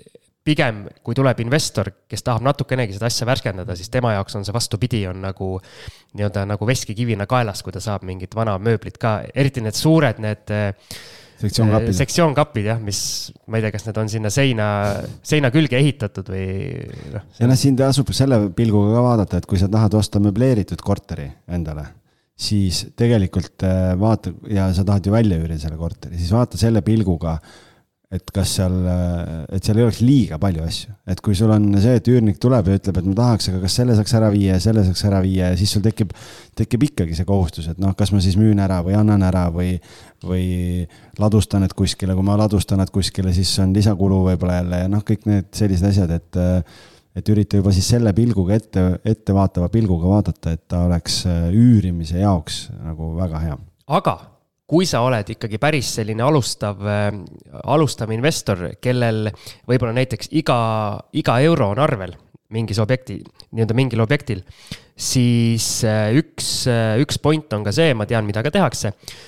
vaatadki sellele mööblile peale ja kui müüja on nõus selle kõik sisse jätma, vaatad kui palju sa saaks sellest näiteks Facebook ähm, Marketplace'is raha küsida ja võib-olla saad viiskümmend eurot selle asja eest, viiskümmend selle eest, kakskümmend selle eest, kümme selle eest. saad juba mingi kakssada eurot kokku, saad endale nii-öelda uue pesumasina sinna korterisse. ja seda ma olen ka öelnud, mul ühe, ühe tehingu puhul, seda, seda juhtub harva. ühe tehingu puhul oli, kus ostja ja müüja kuidagi ei saanud omavahel kokkuleppele, et noh, et äh, ostja tahtis, et äh, müüja mööbli ära viiks, müüja ütles, et mina ei hakka sellega tegelema ja siis ma ütlesin ostjatele, et kuulge, halloo, onju, vaadake mööblit, see on jumala korralik mööbel, noh tehke pildid ära, pange müüki mõistliku hinnaga, teil tullakse viiakse täpselt seal, ma, ma ütlesin, arvutasime kokku, ma arvasin mingi tuhat eurot. siis teenid, ma ütlesin, sa saad normaalse voodi endale selle raha eest, et nagu, et, et mõtle niipidi, et sa tegelikult rahaliselt võidad. just, et kui on viitsimist seda teha nii-öelda ajakulu äh, vastava rahasumma eest tundub mõistlik, äh, siis äh, see on üks hea, hea asi, mille peale mõelda nii, kas korteril või majal on olnud või on või on olnud mingeid puudusi? Noh, see on, äh, sa näed maja välimusest üht-teist juba ära, aga no,. mõni maja ongi üks suur puudus. jah, et alati tasub, tasub küsida, et, äh, et kuidas seal on, et, ähm, et äh, ka noh, ja sellega seoses tegelikult, kui sa hakkad küsima selle kohta, et mida ühistu üldse on teinud, mida on tehtud, mis on plaanis ähm, noh, kõik need asjad, siis sealt tuleb välja see, et ma ei tea, kuskil katus lasi läbi, aga nüüd on katus on vahetatud, noh, mingid sellised asjad, et et, et siis, ma ei tea, seinad kostavad läbi või kostsid läbi, aga, aga siis tehti see ja see ja see asi ära, et nüüd enam ei ole. et, eh, et noh, selliseid asju on, on nagu hea teada, aga, aga see on nagu natukene võib-olla üks osa sellest suuremast küsimusest siis, et hästi oluline on välja selgitada äh, mida ühistu teeb või on teinud ja kui ühistu ei tee midagi ja ei ole teinud midagi, siis see on ka ohumärk jälle. Lähme edasi, kas korteris on tehtud ümberehitustöid, kui jah, siis kas paberimajandus on korras? see on nii levinud, see on nii levinud, te ei kujuta ette ka, kui palju on selliseid kortereid äh, Tallinnas, kus on midagi muudetud. ligadi-logadi paberid. muudetud, noh, teatud mõttes inimlikust seisukohast ma saan aru, sa ostad omale korteri, on ju, ja siis sa teed seal mingeid asju ümber sellepärast, et sa tunned, et sa tahaks natuke, et ta oleks teistsugune. aga sa ei mõtle selle peale, et ma hakkan seda kümne või viieteist aasta pärast kunagi müüma, et sa teed ta praegu enda jaoks ja noh, mis seal siis on, kelle asi see on, mida ma oma kodus teen. Aga kui sa kunagi müüma hakkad ja tuleb välja, et ma ei tea, kütteliik on erinev sellest, mis ta oli, või sa oled äh, planeeringut muutnud, äh, kuskile kandasse seina mingi augu teinud, siis see kõik äh, müües on palju keerulisem see, neid asju korda ajada, kümme aastat hiljem hakata meenutama mingeid asju, äh, kui kohe ära teha. noh, mul hea näide praegu, mul äh, augusti alguses, me salvestame septembri lõpus, läks bronn üks korter Koplis, kus on tehtud planeeringu muudatused ja planeeringu muudatuste käigus siis on ühte kandvasse seina tehtud ukseava. Äh, pangad, kolm erinevat panka ütlesid, et enne kui, seal on ähm, jah, et enne, kui paberimajandus ei ole korras ja vastavusse viidud, seal on mingeid asju veel, kütteliigid on natukene erinevad ja nii edasi. et kui ei ole vastavusse viidud, et enne nad on valmis ostjale laenu andma, aga sellele korterile nad enne laenu ei väljasta selle korteri ostmiseks, kui paberimajandus on korras. ja meil on nüüd siis kõigepealt tegime kuuks ajaks broneerimislepingu, nüüd saab teine kuu saab kohe täis. me, ma aitasin omanikul siis, tellisime sinna uue mõõdistamise, kõik uus põrandaplaan, kõik asjad. siis selgus, et kuna kandvasse seina on ava tehtud, üks kandva seina ava on, ukseava on kinni pandud, aga, aga teise kohta on tehtud, et nüüd oli vaja tellida audit. nüüd käis audit, spetsialist käis kohal, tegi auditi, see on praegu valmimisel, kus siis nii-öelda auditi käigus selgub, et kas on tehtud kõik selliselt, et on ohutu ja, ja kõik on okei okay,. aga juba on selgunud selle käigus, et tõenäoliselt jäi jäi sillus panemata lae ja uksehaava vahele, et kuna see ülemine korrus on burning, et see kandevõime võib muutuda, et nüüd selle auditi, audit tehakse ära, siis on vaja teha projekt. Äh, ja siis äh, ähm, peale projekti on vaja reaalselt see silluse töö ära ka teha ja kui need sammud kõik on tehtud, see on omanikule kulu täna, on ju, nüüd hiljem enne müüki, et alles siis, kui siis lähevad dokumendid registrile see võtab aega veel kolmkümmend päeva ja siis alles saab minna tehingusse, ehk et me reaalselt räägime sellest, et see müük äh, mingi, äh, et jõuda broneerimisleping äh, tavaliselt kaks-kolm nädalat ja on notar, nüüd läheb mitmeid kuid aega. et kaotad jälle võib-olla aega ja kaotad raha, kui sul on mingi uue objektiga omanikul on uue objektiga seotud see asi, aga antud juhul ta ei saa ka kiirendada seda protsessi kuidagi. et see on päris oluline. investorina võib-olla on see isegi üks koht, kust saada nii-öelda paremat tootlust või nii-öelda kasu, osta mingi probleemne objekt, teades, et seal on need probleemid, panna üürnik sisse, ega üürnikul ei ole vahet, kas seal on paberid korras või ei ole, kui ei ole, muidugi mingi seadune, nii-öelda päris seadusevastane või nii-öelda eluohtlik asi. ja siis sul on aega nende asjadega tegeleda endal hiljem, et seda kinnisvara väärtust siis tõsta. aga seda sa saad teha siis, kui sul on omakapitali nii palju, et sa panka kaasama ei pea, sest antud juhul pangad la laenu ei anna selle, selle korteri ostmiseks, nii et. Äh, hea point. väga põnev, äh, väga põnev case iseenesest ja näha, kuidas siis need asjad kõik nüüd äh, järjepanu korda Äh, korda tehakse. Ja seal oli veel oluline nüanss, mis li-, natukene veel lihtsustas, see protsess oleks võinud veel keerulisemaks minna, aga kuna need ehitustööd olid tehtud kaks tuhat üksteist, et kui on enne kaks tuhat viiteist tehtud, ma olen sellest mingis varasemas episoodis ka rääkinud, et siis äh, on see protsess natuke lihtsam, oleks ta olnud pärast kahte tuhandet viieteistkümnendat aastat tehtud, siis oleks olnud vaja ehitusprojekt tellida, äh, siis ehitusteatis, kasutusteatis, kõik need, see on kallis ja, ja veel põhjalikum protsess, nii et et aga kui sa leiad mõne sellise mustika turult, äh, kus tõesti, kus sa näed sellega, et äh, paberimajandus on korras ja, ja müüja jaoks reaalselt tegelikult, äh, kui ta oleks ise hakanud müüma praegu, tal oleks tekkinud probleem, sest keegi ei saa osta. sest paberimajandus ei ole korras. ja siis ainukene variant lõpuks olekski olnud see, et A ei müü üldse, et üürin edasi või variant B, et davai, ma panen siis odavama hinnaga, et peaasi, et ma saan sellest lahti. ja see on see koht, kui sa oled õigel ajal õiges kohas, siis võid väga hea tehingu saada millal korteris viimati remont tehti, tasub siis küsida müüjalt, eh, kas terves korteris või osaliselt?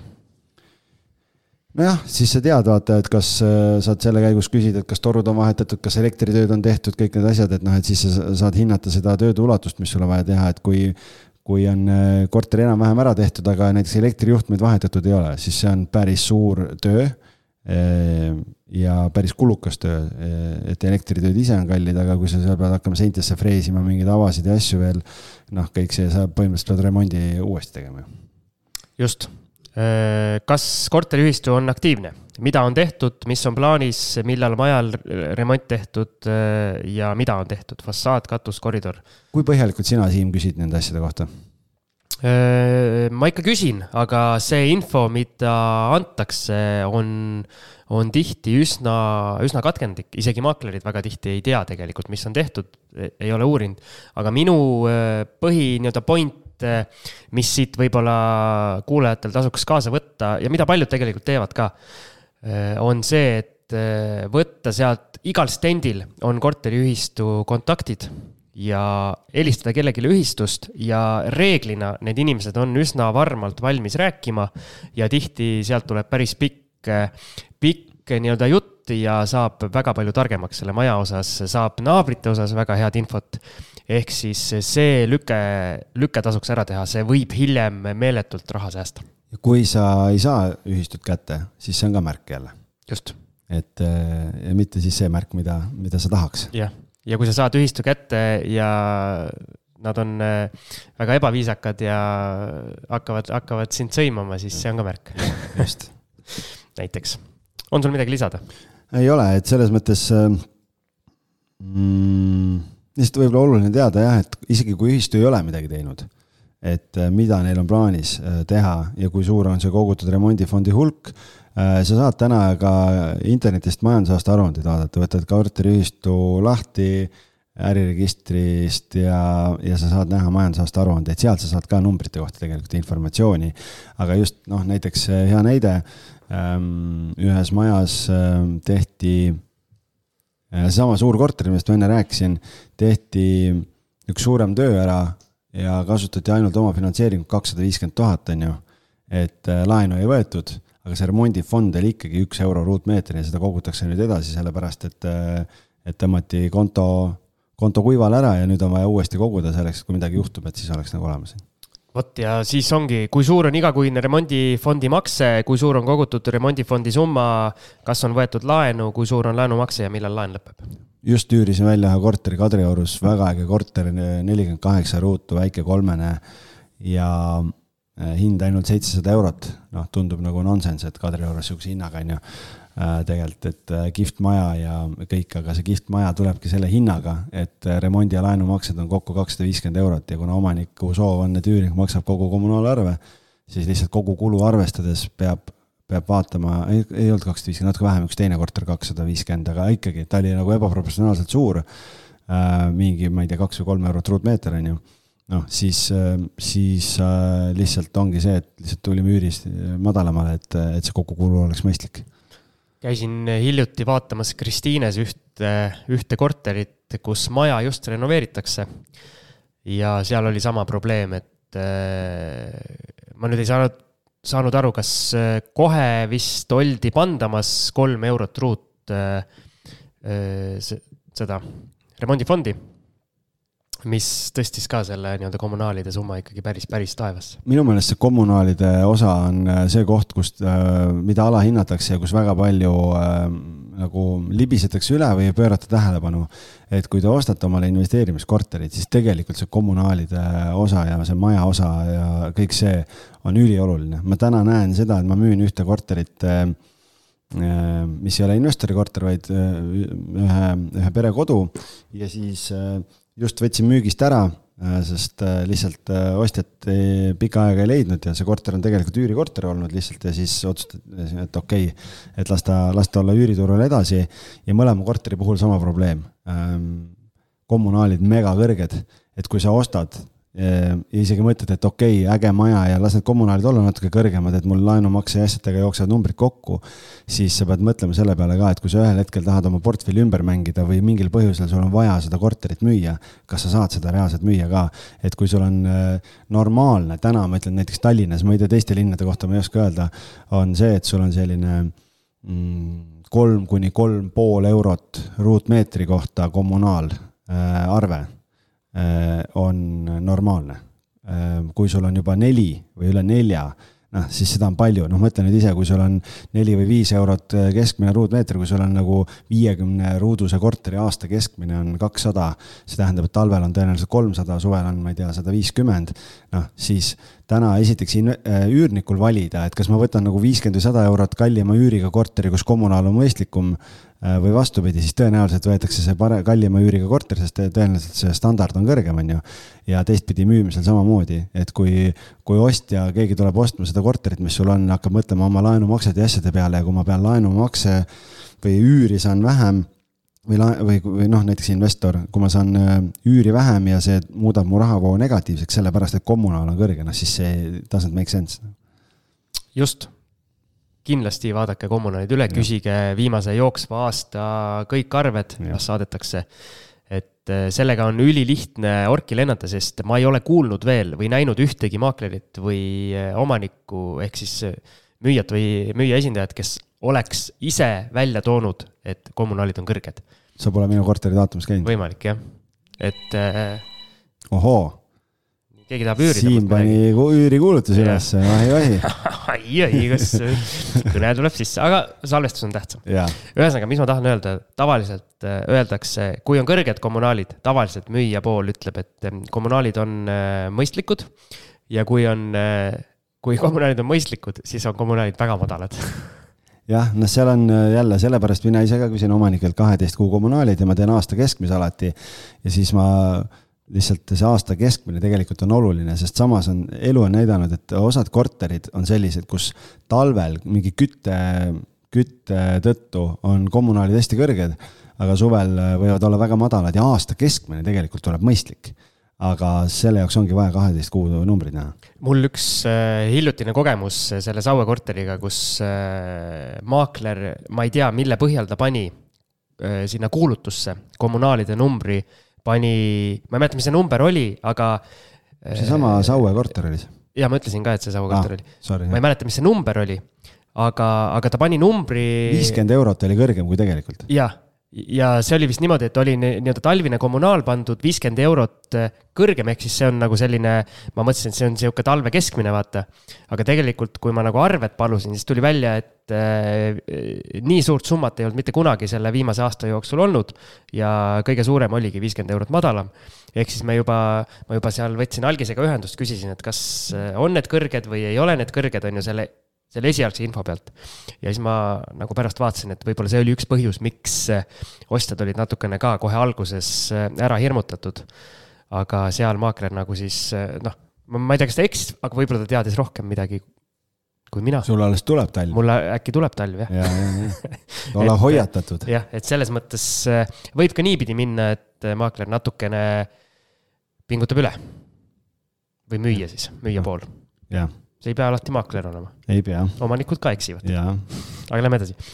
kas äh, küttesüsteemid ja siis kanalisatsioonipüstakud on vahetatud majas? minul hästi konkreetne enda kogemus siia Kehrast, kus äh, minul renoveerimise järgus oleval, olevas korteris äh, tulid kätte tööd, äh, nii-öelda majatööd, et vahetati küttesüsteemid ja vahetati püstakud. minul oli valge karp valmis, lõigati radikad ja torud lõigati seintest maha ja lõhuti vannituba, lõhuti siis see püstaku juures olev sein maha vannitoas pandi lihtsalt kips asemele, öeldi, et viimistlus tee ise. ja toas jäeti toru, need mingid otsad jäeti kuskil neli-viis sentimeetrit seinast välja turritama. ehk siis minu valge karp läks nässu, ma pidin hakkama seal esiteks neid toru otsasid nüsima. ja siis vannitoas pidin äh, uue viimistluse laskma teha, ehk siis väga konkreetne asi ja sealsamas majas, teistes korterites ongi nüüd niimoodi, et paljudel on need nii-öelda kuna uued radikad olid väiksemad siis need vanad eh, nii-öelda radikatagused, mida mingite eh, vanade remontide jooksul sinna ei olnud ligi pääsetud, siis on nagu see viimistlus on seal tegemata, ehk siis siuksed koledad, koledad radikatagused on, eh, on näha.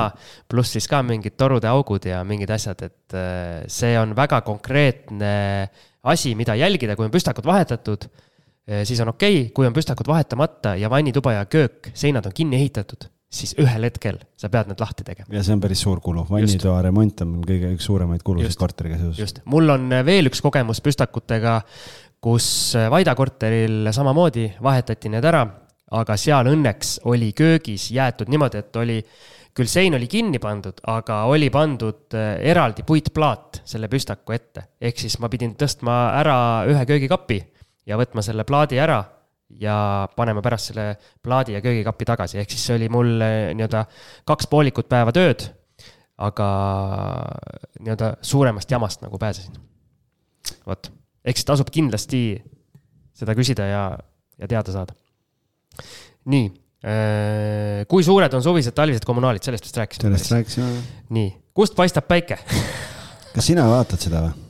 ei see on selles mõttes on oluline, sõltub korterist ja sõltub sellest, kui suured on aknad ja asjad, et, et mingite korterite puhul, no ma ei tea, kui on elektriküttega näiteks, aga sul on päikesepoolne korter, et sul päevapäike on kogu aeg sinnapoole, siis see tähendab seda, et sul tõenäoliselt äh, on väga soe korter ja see võib omakorda mõju avaldada sellele, et tegelikult seda elektrit ei ole vaja nii palju kasutada. minul on eraldi äpp olemas, ma soovitan tõmmata sellise äpi endale nagu suncalc.net on see. päikesekalkulaator või? on jah, seal paned selle sisse, ta kepsu aseme, võtab sul, näitab sul kohe asukoha ära ja ta näitab sul, sa saad seal erinevatel kuudel panna, ma panen sealt alati juuni keskele kuskile, noh jaanipäeva paiku, et siis näeb seal kõige, kõige valgem aja ära, et sa saad erinevatel perioodidel seal vaadata, kust päike tõuseb, kuhu ta loojub ja kõik, kõik selle poole, et see on päris hea ja kasulik info ka selles valguses jälle, et kui on näiteks väikesed aknad korteril, äh, et kas ta on päikese poole või ei ole, et võib-olla on väga pime näiteks. no mul äh, viimane kogemus selle Saue korteriga, seal on väikesed aknad, ta on äh, madalal esimesel korrusel ja sinna on täpselt akende ette on ehitatud üsna hiljuti nii-öelda uusarenduse maja. ehk siis päike paistab väga vähe sinna akendesse ja see korter on keskmisest pimedam ma alguses ostes seda aru ei saanud. Äh, mingil hetkel sain aru ja siis ma lahendasin siis selle selliselt, et ma panin hästi palju valgustust, väga võimsad lambid panin, ehk siis noh, Eestis seda valget aega tegelikult on niikuinii mhm. vähe mm -hmm., ehk siis, siis ma nagu natuke kompenseerisin äh, nagu kunstliku valgustusega yeah.. vot, aga lähme edasi. kes on naabrid, kas naabritel on koduloomi? Noh, kui sul on ikkagi haukuv koer päev otsa kõrval korteris, siis äh, võib suhteliselt kehva olla ja, ja, ja. Naabrid on üks põhiline, põhiline nii-öelda probleemkoht hiljem ka, mis üürnikega hakkab ja. välja tulema, et. Äh, maja võib olla korralik, korter võib olla, võib olla hea, aga kui sul ühel naabril on äh, nii suur kassiarmastus, et kui ta korteri ukse lahti teeb ja kõik tunnevad seda armastust siis on see automaatselt probleem ja väga paljusid ei huvita, kui hea korter sul on. jah, ja kui naabril on väga suur sõpruskond, kellele kõigile maitseb väga see äh, lõhnaõli või mis see on, sidruni maitseline. sidruni maitseline lõhnavesi, lõhnavesi, jah jah, et äh, siis on ka suur probleem. nii, mul on olnud niimoodi. mis on ümbruses ma? tulen selle naabrite juurde tagasi. elus, näide elust enesest. ühel investoril ostetud äh, üürikorter, üks paljudest ja sain mina kõne, see on meil halduses, sain mina kõne poolteist nädalat tagasi üürnikult, et äh, neil on mure, et nende all korteris elab psühhopaat. ja ma hakkasin uurima, et mis siis värk on ja siis tuli välja, Delfis oli ka, oli uudis seal, et äh, üks inimene kuskil Kadrioru tänaval seal äh, ründas noaga või ähvardas seal noaga kedagi ja umbes äh, noh, et on niisugune vaimselt ebastabiilne ja selgus, et see on selle meie välja üüritava korteri all ja ilmselgelt üürnikul on mure, on ju, et ta ei tunne turvaliselt ennast ja nii edasi. ja nüüd ongi küsimus, kui sa ostad endale see, kunagi sellise korteri ja sa naabrite kohta ei küsi ja, ja noh, et siis äh, nüüd äh, ühel hetkel on, kui see üürnik sealt ära kolib, me ootame praegu, mis nad otsustavad, nad pidid mõtlema selle peale, et kas nad jäävad või ei jää või noh, et et äh, kui mul on vaja sinna uut üürnikku otsida või kui mul on vaja see korter ära müüa, see on selline asi, millest ma pean rääkima. ja see on probleem ja kui sa ostad endale korteri trepikotta, kus on mingi probleemne naaber, siis tulevik, seda välja üürida või tulevikus müüa võib olla väga keeruline ja siis istud selle otsas seal ja laenud vajavad maksmist. ja kui sulle ei ole räägitud korterit ostes sellisest naabrist, siis see on varjatud puudus.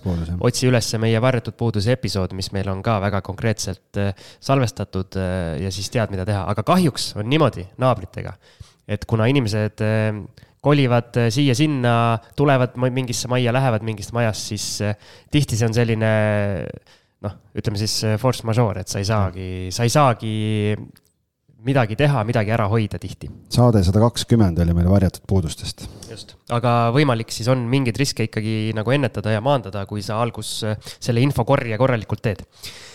Lähme edasi, mis on ümbruses, kui kaugel on lähim lasteaed, kool, pood, ehk siis kanti tuleks tunda ja siis saab selle sa hiljem, saad tegelikult jah. kuulutustest kätte juba ju portaalid näitavad ära kõik, aga ikkagi hea on ümbruskonnas ringi jalutada ka ja, ja vaadata, et kui, kui ikkagi maja ees võsas need eh, lõhnavee manustajad eh, istuvad kuskil seal ja, ja podisevad, et siis, siis ähm, äkki see ei ole võib-olla see koht, kuhu peaks ostma. ja kui sa oma kodu lähedal oma esimesed investeeringud teed, siis äh, selle võrra on sul lihtsam, et sa niikuinii tead.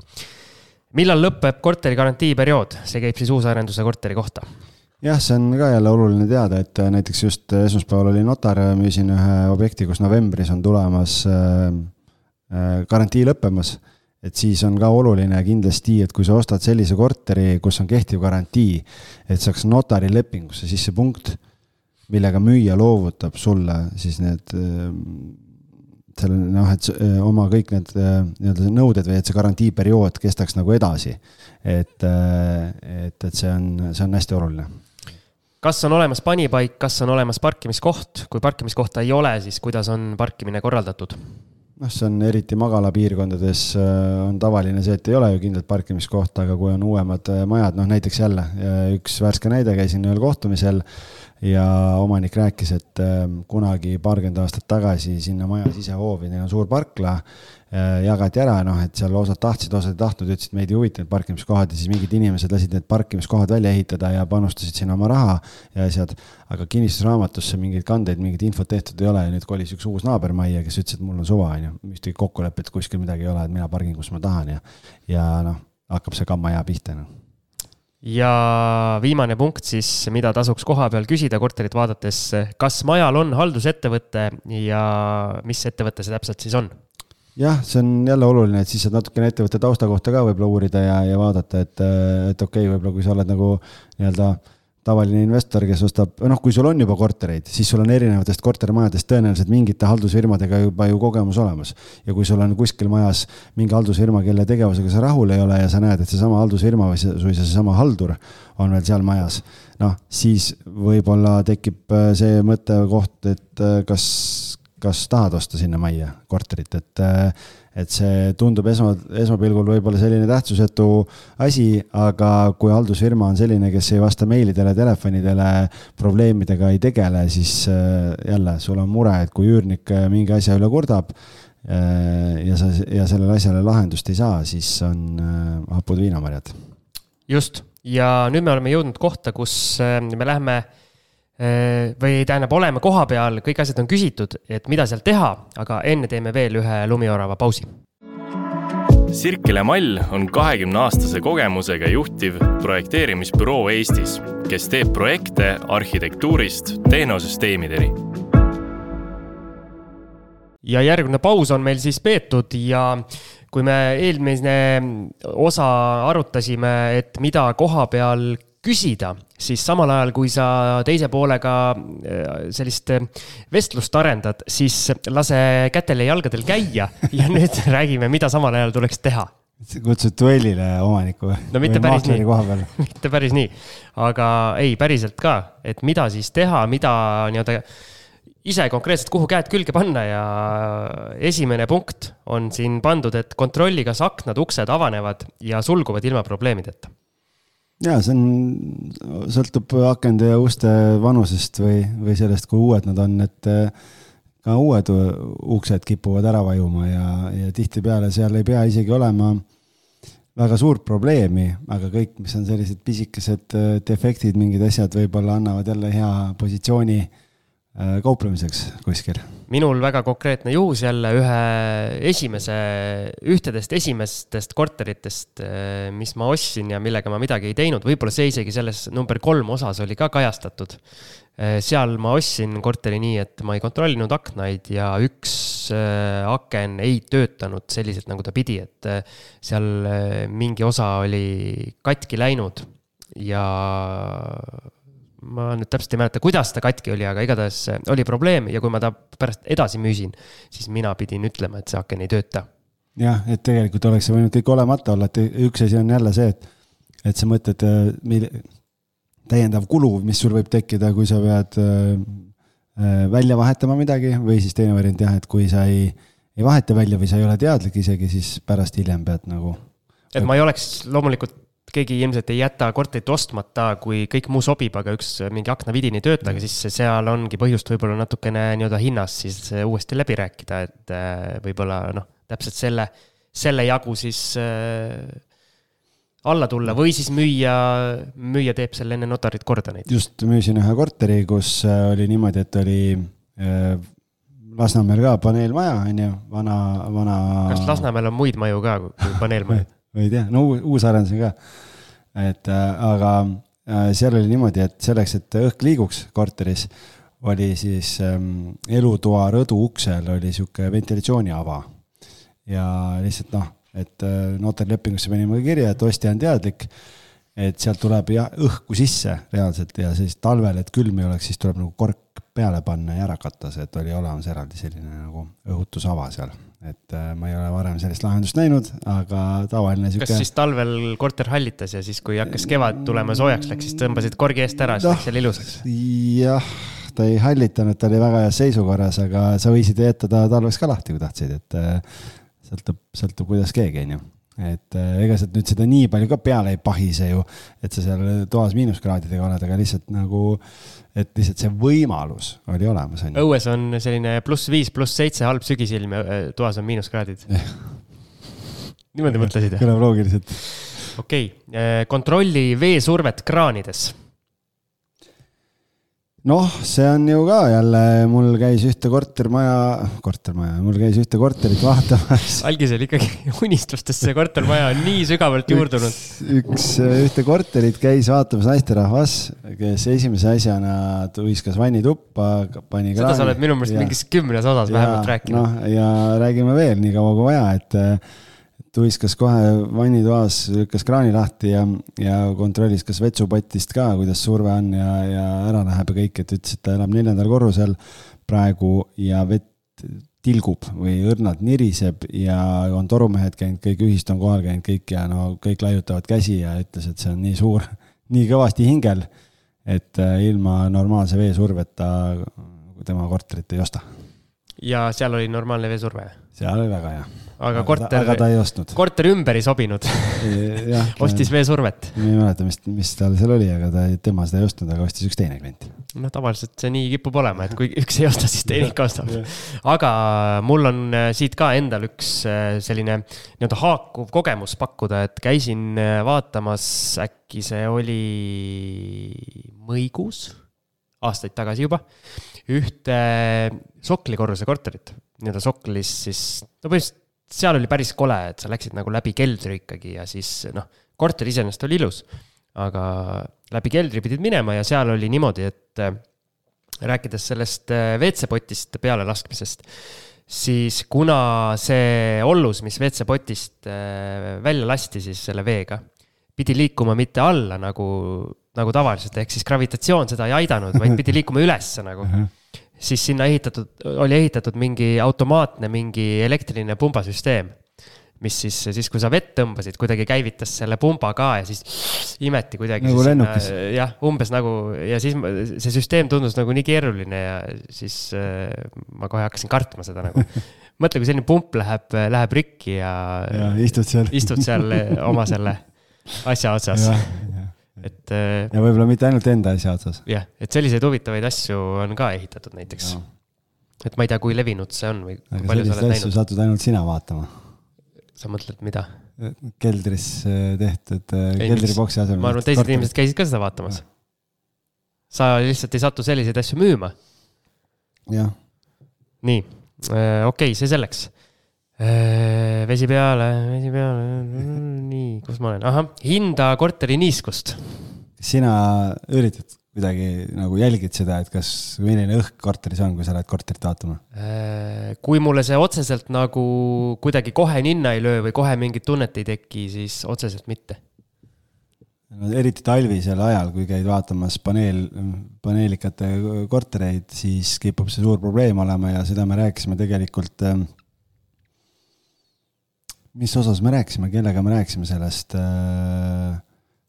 me rääkisime paneelmajadest, jah. Jarek ah.,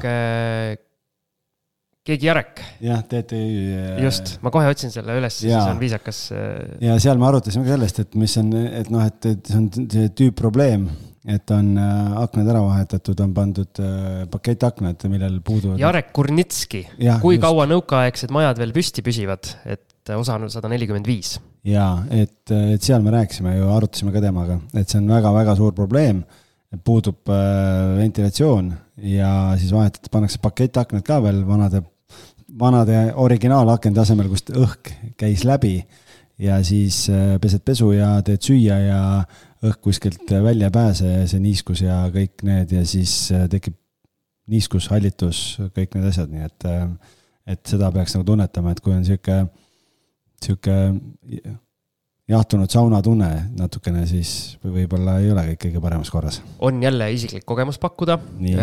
sellest Keila, minu Keila korterist, kus see on väike korter ka selline kahekümne ruudu peale natukene, kus maja on renoveeritud, aga ongi niimoodi, et ei ole mõeldud siis vist selle peale, kuidas õhk, õhk korterisse sisse saab. et seal see välja, välja või või tegelikult seal vist oli see probleem, et äh, seal on niimoodi, et äh, köök ja vannituba on nagu enam-vähem ühel joonel ja tuba on nagu eraldi. ja köögist vist tuleb õhk sisse ja läheb otse vannitoast nagu välja. aga elutuba jääb elutuba puutumata. jääb nagu puutumata, jah ja. ja seal oli see probleem, mul oli üürnik seal sees ütles, kõik oli muidu okei okay, aga et kui oli nii-öelda pesu kuivatamine ja seal mingi nii-öelda kaks inimest äh, väikses toas sees elas, et siis tõmbas äh, niiskuse sisse, aknad olid kõik seda nii-öelda kondensvett täis. ja siis ma hetkel lahendasin selle nii-öelda selle akna sisse paigutatava selle fresh klapiga, et äh, võib-olla natuke aitab. Äh, et aga ma ei tea, kuidas seda nagu noh, eks see nii-öelda päris lahendus oleks selgelt selgelt kallim. selles mõttes on tegelikult imelik vaata, et kui sul võetakse kortermaja renoveerima ette, ma saan aru, et see on kallis aga et siis tegelikult, kui sul juba välisseinad kõik ära soojustatakse, kõik asjad, siis võiks juba ju teha selle ventilatsiooni asja ka ära, et mm. oleks olemas juba, et, et siis on tehtud ja see on äh, korras. ja Tunnik ütles jah, et noh, et kui muidu ei olnud nagu hullu, et sai nagu akna lahti teha, vaata, aga, aga jah, kui on nagu külm, külm talv, et siis ju päris äh, kogu aeg lahtist äh, akent ei hoia, isegi selle õhutuse peal mitte. kuskil. Siim, kas sina kõlad äh külastad korterit äh, pigem päevasel või õhtusel ajal, kui sa lähed vaatama? mul ei ole mingit äh, kindlat aega, et pigem ma külastan siis, kui, kui mõlemale poolele sobib. okei okay., et äh, noh, tegelikult on, seal võib olla vahe sees, kas minna päeval või õhtul. no ilmselgelt me saame aru, et täna päevasel ajal lähed, siis inimesed on tööl, on ju.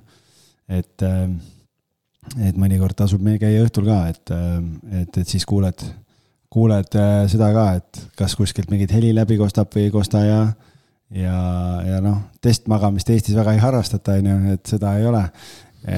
kuigi on küsitud.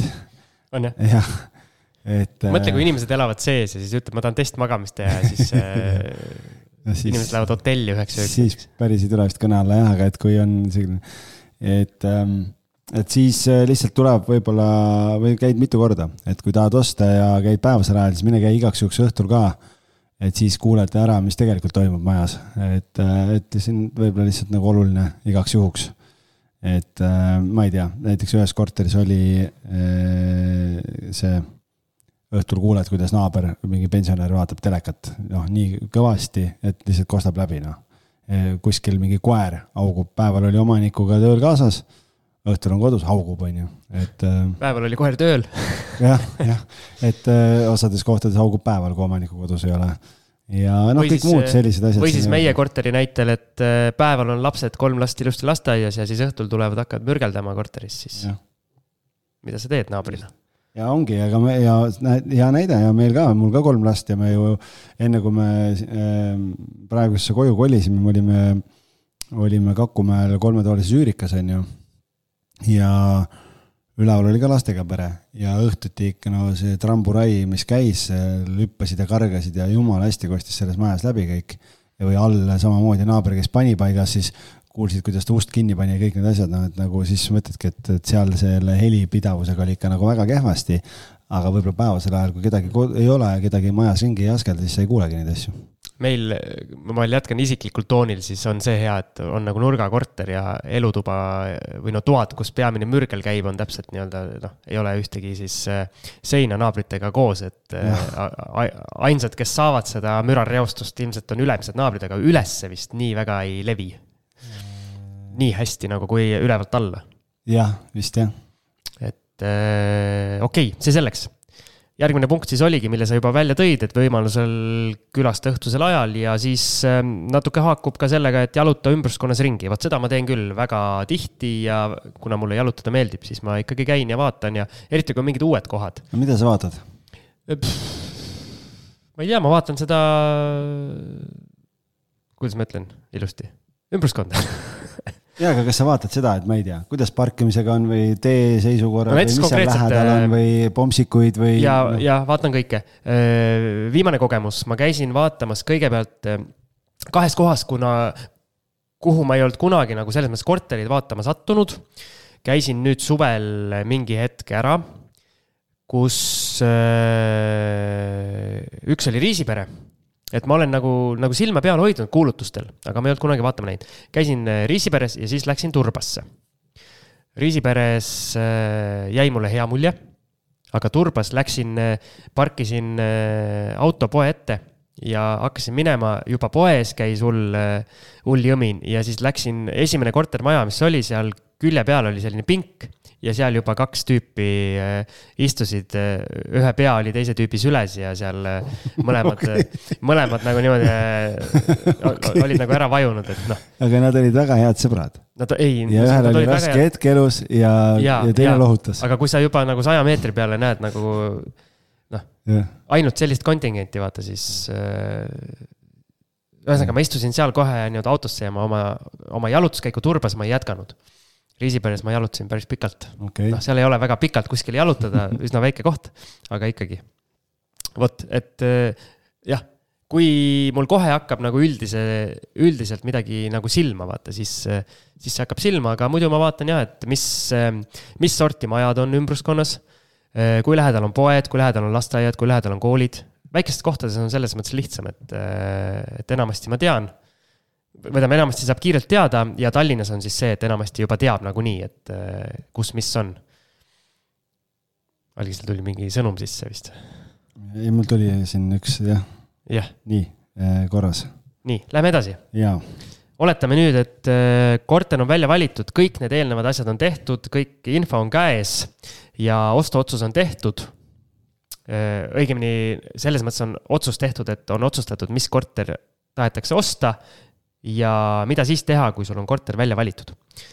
esimene punkt, kontrolli korteri andmeid ehitusregistrist ja kinnitusraamast, raamatust. kinnistusraamatust. kinnistusraamastus meil on raske päev täna. raamast. kinnistusraamatust. miks see vajalik on? sellepärast äh, seesama teema, millest me juba varem ka rääkisime, et kui on ümberehitustöid tehtud korteris näiteks, et siis äh, tuleks, tuleks üle vaadata, noh, seal võib olla erinevaid asju, seal võib olla mm, ruutmeetrite erinevus näiteks. noh, hea näide, ma müüsin ka esmaspäeval oli notariust, müüsin ühe ühe. sul ainult head näited ongi, ma lihtsalt pean mainima. okei aitäh. ühe Ridalam boksi ja seal, see on äh, alla kahe aasta vana ja seal oli kinnistusraamatus ja ehitusregistris olid erinevad andmed ja tekkis küsimus, miks on erinevad. Et äh, kas, äh, kas on ähm, töö käigus muutunud äh, või, või noh, mis see taust on. noh, lihtsalt veel oluline, et näiteks uus, uusarenduste korteritel, kui arendaja müüb sulle, ma ei tea, müüb neljakümne ruudust äh, korterit sulle, siis neil tegelikult on lubatud reeglina lepingus sees, et ma ei tea, pluss-miinus kaks äh, protsenti võib see suurus muutuda. et siis ei rakendu mingit trahve, et kui nad on kaks, kaks protsenti väiksem, ütlesin kaks protsenti enne, pluss-miinus kaks protsenti, jah et, et siis, et kui on, jääb sinna kahe protsendi sisse, siis nagu sellega mingeid probleeme ei ole.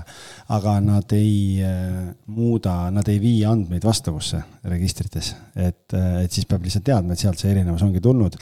üks teine korter, mida praegu müün, müüdi kolmekümne üheksa koma üheksasena tuli nelikümmend koma üks, on ju. noh, et see on nagu üks asi, mida sa saad, sa saad vaadata suuruseid, teine asi on see, mis sul ehitusregistrist võiks silma hakata, on see, et kas see toalisus klapib, on ju et kui sa ostad kolmetoalise neljakümne kaheksa ruutmeetrise korteri, siis võiks kerge alarma läbi käia, et kas. alarma!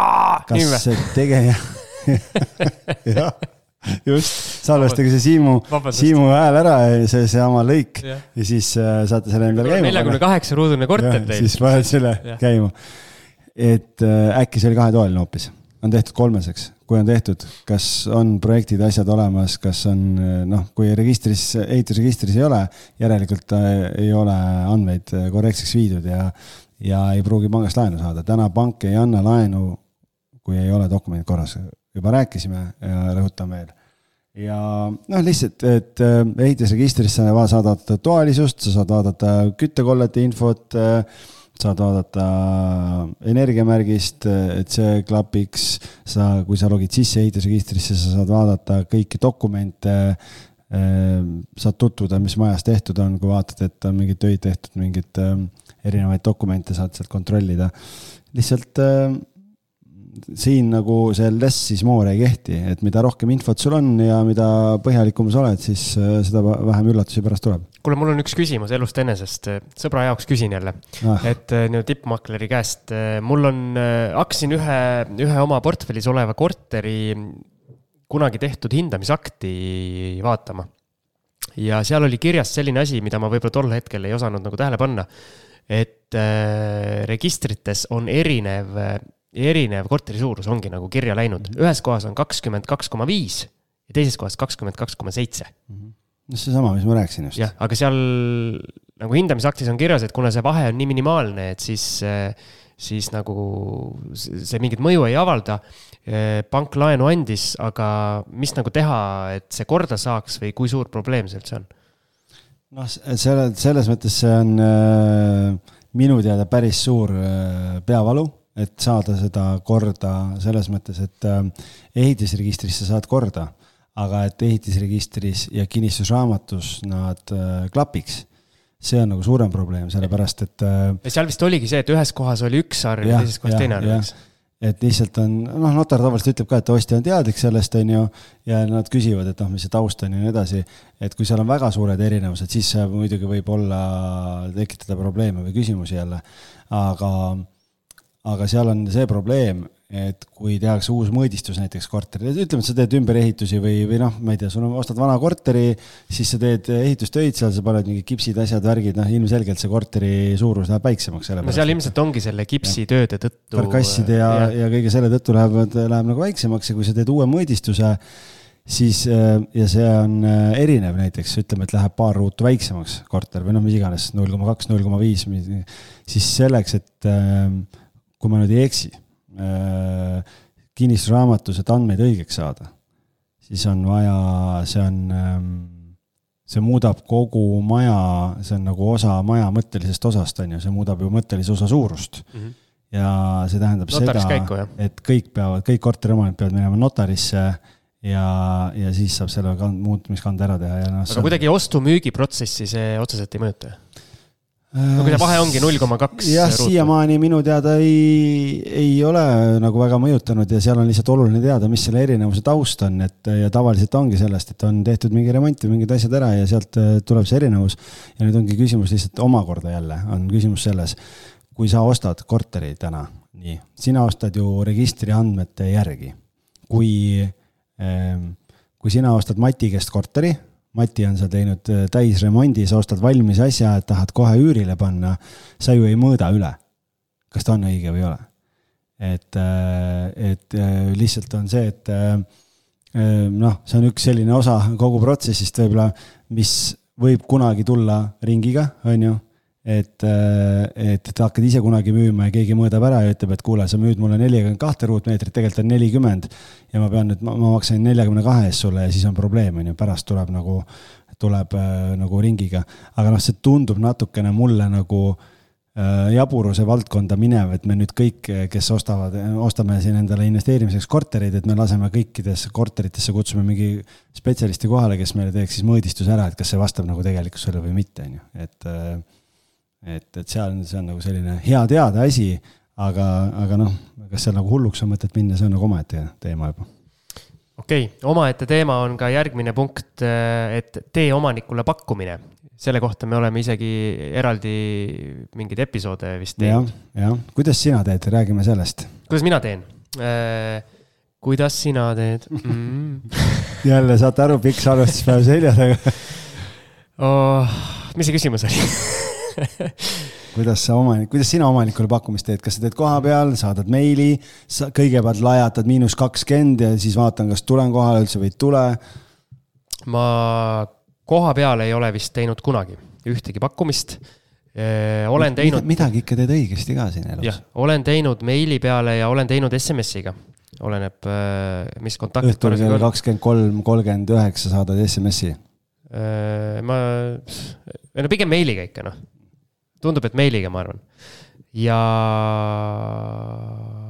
öösel kell üks saadad sõnumi, võtan ära võta näpust ühesõnaga, ühesõnaga meili teel ja mis see protsent on, ma nagu otseselt protsenti ei arvuta, mul on, endal tekib nagu mingi noh, endal natukene ikka nii-öelda numbreid, kuigi ma ei ole suur numbriinimene, siis ma natukene ikka kalkuleerin midagi ja vaatan, vaatan võrdlevaid pakkumisi, proovin saada infot, et äh, millega on midagi liikunud ja oleneb siis, mis minu eesmärk on. kas üürile või, või proovida edasimüügiks, siis mul tekib mingi hind, millega mina olen valmis seda ostma ja siis ma tavaliselt teen pakkumise sellest hinnast veel natukene nagu madalamalt. et see ei ole alati mingi kindel protsent, see ei ole nüüd nii, et ma võtan alati kümme prossa ja siis. Noh, ma ei tea, toome näite, sajatuhandene korter, sa vaatad, et okei okay,, üheksakümnega numbrid töötaks minu jaoks mm., siis sa pakud kaheksakümmend viis lootuses, et saate kirikeselt küla kokku, et üheksakümne peal saab äkki tehing lukku. no ma võin tuua konkreetse näite, viimase Saue korteri. Eh, müügil oli üheksakümmend tuhat, kaheksakümmend üheksa tuhat üheksasada vist või? no üheksakümmend tuhat. siis mina tegin pakkumise seitsekümmend üheksa Äh, ma oleks ta valmis olnud ostma kuskil seal kaheksakümne kahe, kaheksakümne kolme juures ka. tegin seitsekümmend üheksa ja lõpuks jõudsime siis kokkuleppele kaheksakümmend pluss äh, mina maksan notarikulud. ehk siis. mingi kolm-nelisada. said soodsamalt, kui sa olid arvestanud, et nagu ja. see, et millega sa oleks valmis tehingusse minema. jah, et umbes niimoodi, seal see tuli päris suur protsent mm -hmm. ka mhm. tegelikult. aga noh, seal oli korteri seisukord selline ja kui ma näen, et äh, on neid olukordi ka olnud, kui ma näen, et see minu pakkumine tuleks liiga madal. turuolukord on selline, et palju huvilisi, korter on selline, et see noh, nii-öelda pakub laiale ringile mm. huvi siis äh, ma olen teinud ka niimoodi, et äh, mul on näiteks müüja on kirjutanud või ma olen ise lubanud, et ma teen mingi pakkumise, eks. või mingi numbri käin välja. siis ma olen kirjutanud ka niimoodi, et ma otsest pakkumist ei tee. kuna ma näen, et äh, see minu pakkumine oleks äh, liiga madal ja te saate sellest korterist tõenäoliselt äh, oluliselt nii-öelda suurema summaga minema, on ju. siis äh, siis äh, olengi öelnud, et äh, ma otsest pakkumist ei tee, aga umbes sellise ruuduhinnaga ma oleksin huvitatud. teinekord ma ei too seda ruuduhinda kohe välja, aga siis tavaliselt müüja ikkagi kirjutab vastu, et noh, et aga mis see teie number ikkagi oleks, et tal oleks mingi, mingi pakkumine nagu olemas ja no siis ma tavaliselt käin nagu ruuduhinnana, mitte, mitte nagu toome nüüd selle saja tuhandese näite, eks. sajaga on müügis, minu jaoks atraktiivne oleks võib-olla seitsekümmend viis ehk siis aa, aa, väga suur vahe nagu, on ju ja siis äh, ma nagu teengi umbes niimoodi, et äh, ma ei ütle talle seda seitsekümmend viis, vaid ma ütlen talle selle seitsmekümne viie, selle ruudu, mis tuleb nagu ruuduhinnana. siis okay., siis kuidagi tundub nagu võib-olla pehmem et, et las ise arvutavad ja siis on las ise arvutavad jah, jah, ja aga ma ideaalis tahaks ikkagi selle numbri nagu kirjalikult kuskile välja käia, sest mul on olnud üks juhus kus ma tegin, see oli üsna alguses, siis kui ma Kehras äh, selle esimese flipi tegin kus äh, portaali hind oli vist kolmkümmend kuus viissada äkki või midagi sihukest. ja mina tegin kakskümmend kuus tuhat, pakkusin. ja mind saadeti pikalt. ja tuldi kuu aja pärast uuesti rääkima, öeldi, et kuule, et äh, ma ikkagi ei ole saanud müüa, et aga mul on vaja müüa, et kakskümmend kaheksa. ma ütlesin, no ma ei julgenud tegelikult, noh, ideaalis oleks pidanud tegelikult sada kakskümmend kaheksa. ja, ja siis ma nagu ütlesin, et ei, ma jään ikkagi oma esialgse pakkumise juurde, sest ma, mul oli natukene nagu, lõin nagu ise vedelaks ilmselt selle Kehra ees, see oli mu esimene, esimene toimetamine seal üldse ja siis äh, tuldi, uuesti oli umbes kuu aega vaikust ja siis tuldi ja öeldi, et okei okay,, kakskümmend kuus. ja siis ma olin kuidagi sunnitud, kuna ma olin ise selle numbri välja käinud, siis ma olin nagu sunnitud sellega võtma, et. Äh, ja siis ma nagu pärast mõtlen, et äh, kui see number on kuskil kirjalikult olemas, mingi pakkumine on neil tehtud. ja kui müüja ei peaks saama asjast lahti ja tal reaalselt tekibki nagu jama, siis mingitel olukordadel. kui sina oled selle pakkumise teinud, siis võib-olla ta, ta nagu tulebki sinu juurde tagasi ja tegelikult äh, see on jumala õige, sest äh, koha peal ma ei soovita mitte kunagi pakkumist teha, sest siis läheb äh, edasi-tagasi põrgatamiseks või kuidagi noh, sul ei ole seda jõupositsiooni nii palju, et kui sa esiteks, kui sa lähed korterit vaatama me oleme nii palju rääkinud sellest, et raha tehakse ostes, on ju, et ka vahet ei ole, isegi kui sa üürikorterit ostad ikkagi, kui sa suudad kaks, kolm, viis tuhat eurot alla kaubelda, see on sul võib-olla, ma ei tea, poole aasta või aasta üür juba, on ju et siis äh, või mingi sisustus näiteks on ju, et, äh, et siis koha peal noh, kui põsed lähevad õhetama nagu Siimul, kui ta läheb nagu vaatama ja mingi korter väga meeldib, siis üritage seda erutust varjata lihtsalt ja, ja, ja lähete ära ja ütlete, et okei okay,, ma mõtlen ja noh, et lihtsalt mõistlik on võib-olla öelda, et mul on mingeid kortereid, mille vahel ma valin ja ma nüüd vaatan üle, et ja, ja, ja kui huvi on, et siis, siis ma teen enda, endapoolse pakkumise ja, ja siis saadate kirjalikult selle pakkumise, sellepärast et siis saab seal võib-olla välja tuua mingeid asju, mis silma jäid, noh, täpselt see, ma ei tea, et, et ma ei tea, tundub, et uksed ja aknad vajavad vahetamist ja noh, mingeid erinevaid asju, mis, mis me siin enne rääkisime, mis välja tulevad. toote need argumendid välja ja siis ütlete, et noh, et sellest tulenevalt, et, et kuna on näha, et ma pean raha sisse ka investeerima veel täiendavalt, et siis pakkumine oleks selline. et mina oma selle ostukarjääri jooksul, kui me nii saame öelda, ei ole ühtegi korterit ostnud selle hinnaga. ma siin praegu nii-öelda scroll in seda nimekirja oma Exceli tabelis, ma ei ole ostnud ühtegi korterit selle hinnaga, mis on alguses olnud äh, portaalis. kõige väiksem äh, nii-öelda allasaamine, mis ma olen saanud, on vist olnud viissada eurot. ja kõige suurem on siis olnud kümme tuhat pluss. super aga noh. ülikõva. aga pigem jääb see sinna ikkagi noh, kui sa saad juba mingi kaks tuhat või kolm tuhat alla, siis, äh, siis tundub endale ka, et jube hea diil. jaa, noh, aga siin on jälle see koht, et kust see mõistlikkuse piir läheb, on ju, me oleme seda, rääkisime kodu ostmisel ka, et kui te teete liiga äh, madala pakkumise, siis võib juhtuda see, et teid enam ei võeta üldse jutule lihtsalt, et mõni omanik solvub ära ja ei tahagi, aga noh, siin muidugi võib öelda seda, et aga noh investorina on see, võib see nagu strateegia olla, et sul Jah. on täitsa savi nagu. jah, et siis ma otsin nii kaua, kuni ma leian, on ju noh, nii nagu ma enne ütlesin, et mingi inimene siin saadab pakkumise kakskümmend, kakskümmend protsenti alla turuhinna, on ju, ja ta nii kaua kompab ja kompab ja kompab, kuni ta võib-olla leiabki selle ühe, kes on meeleheitel ja kellel on vaja ja, ja ongi kõik, et. oma, oma praeguse kodu me ostsime nii-öelda letihinnaga näiteks. et seal me ei hakanud, me küll tegime pakkumise, aga öeldi, et, et praegu veel alla ei tulda ja siis me. mina kauplesin alla.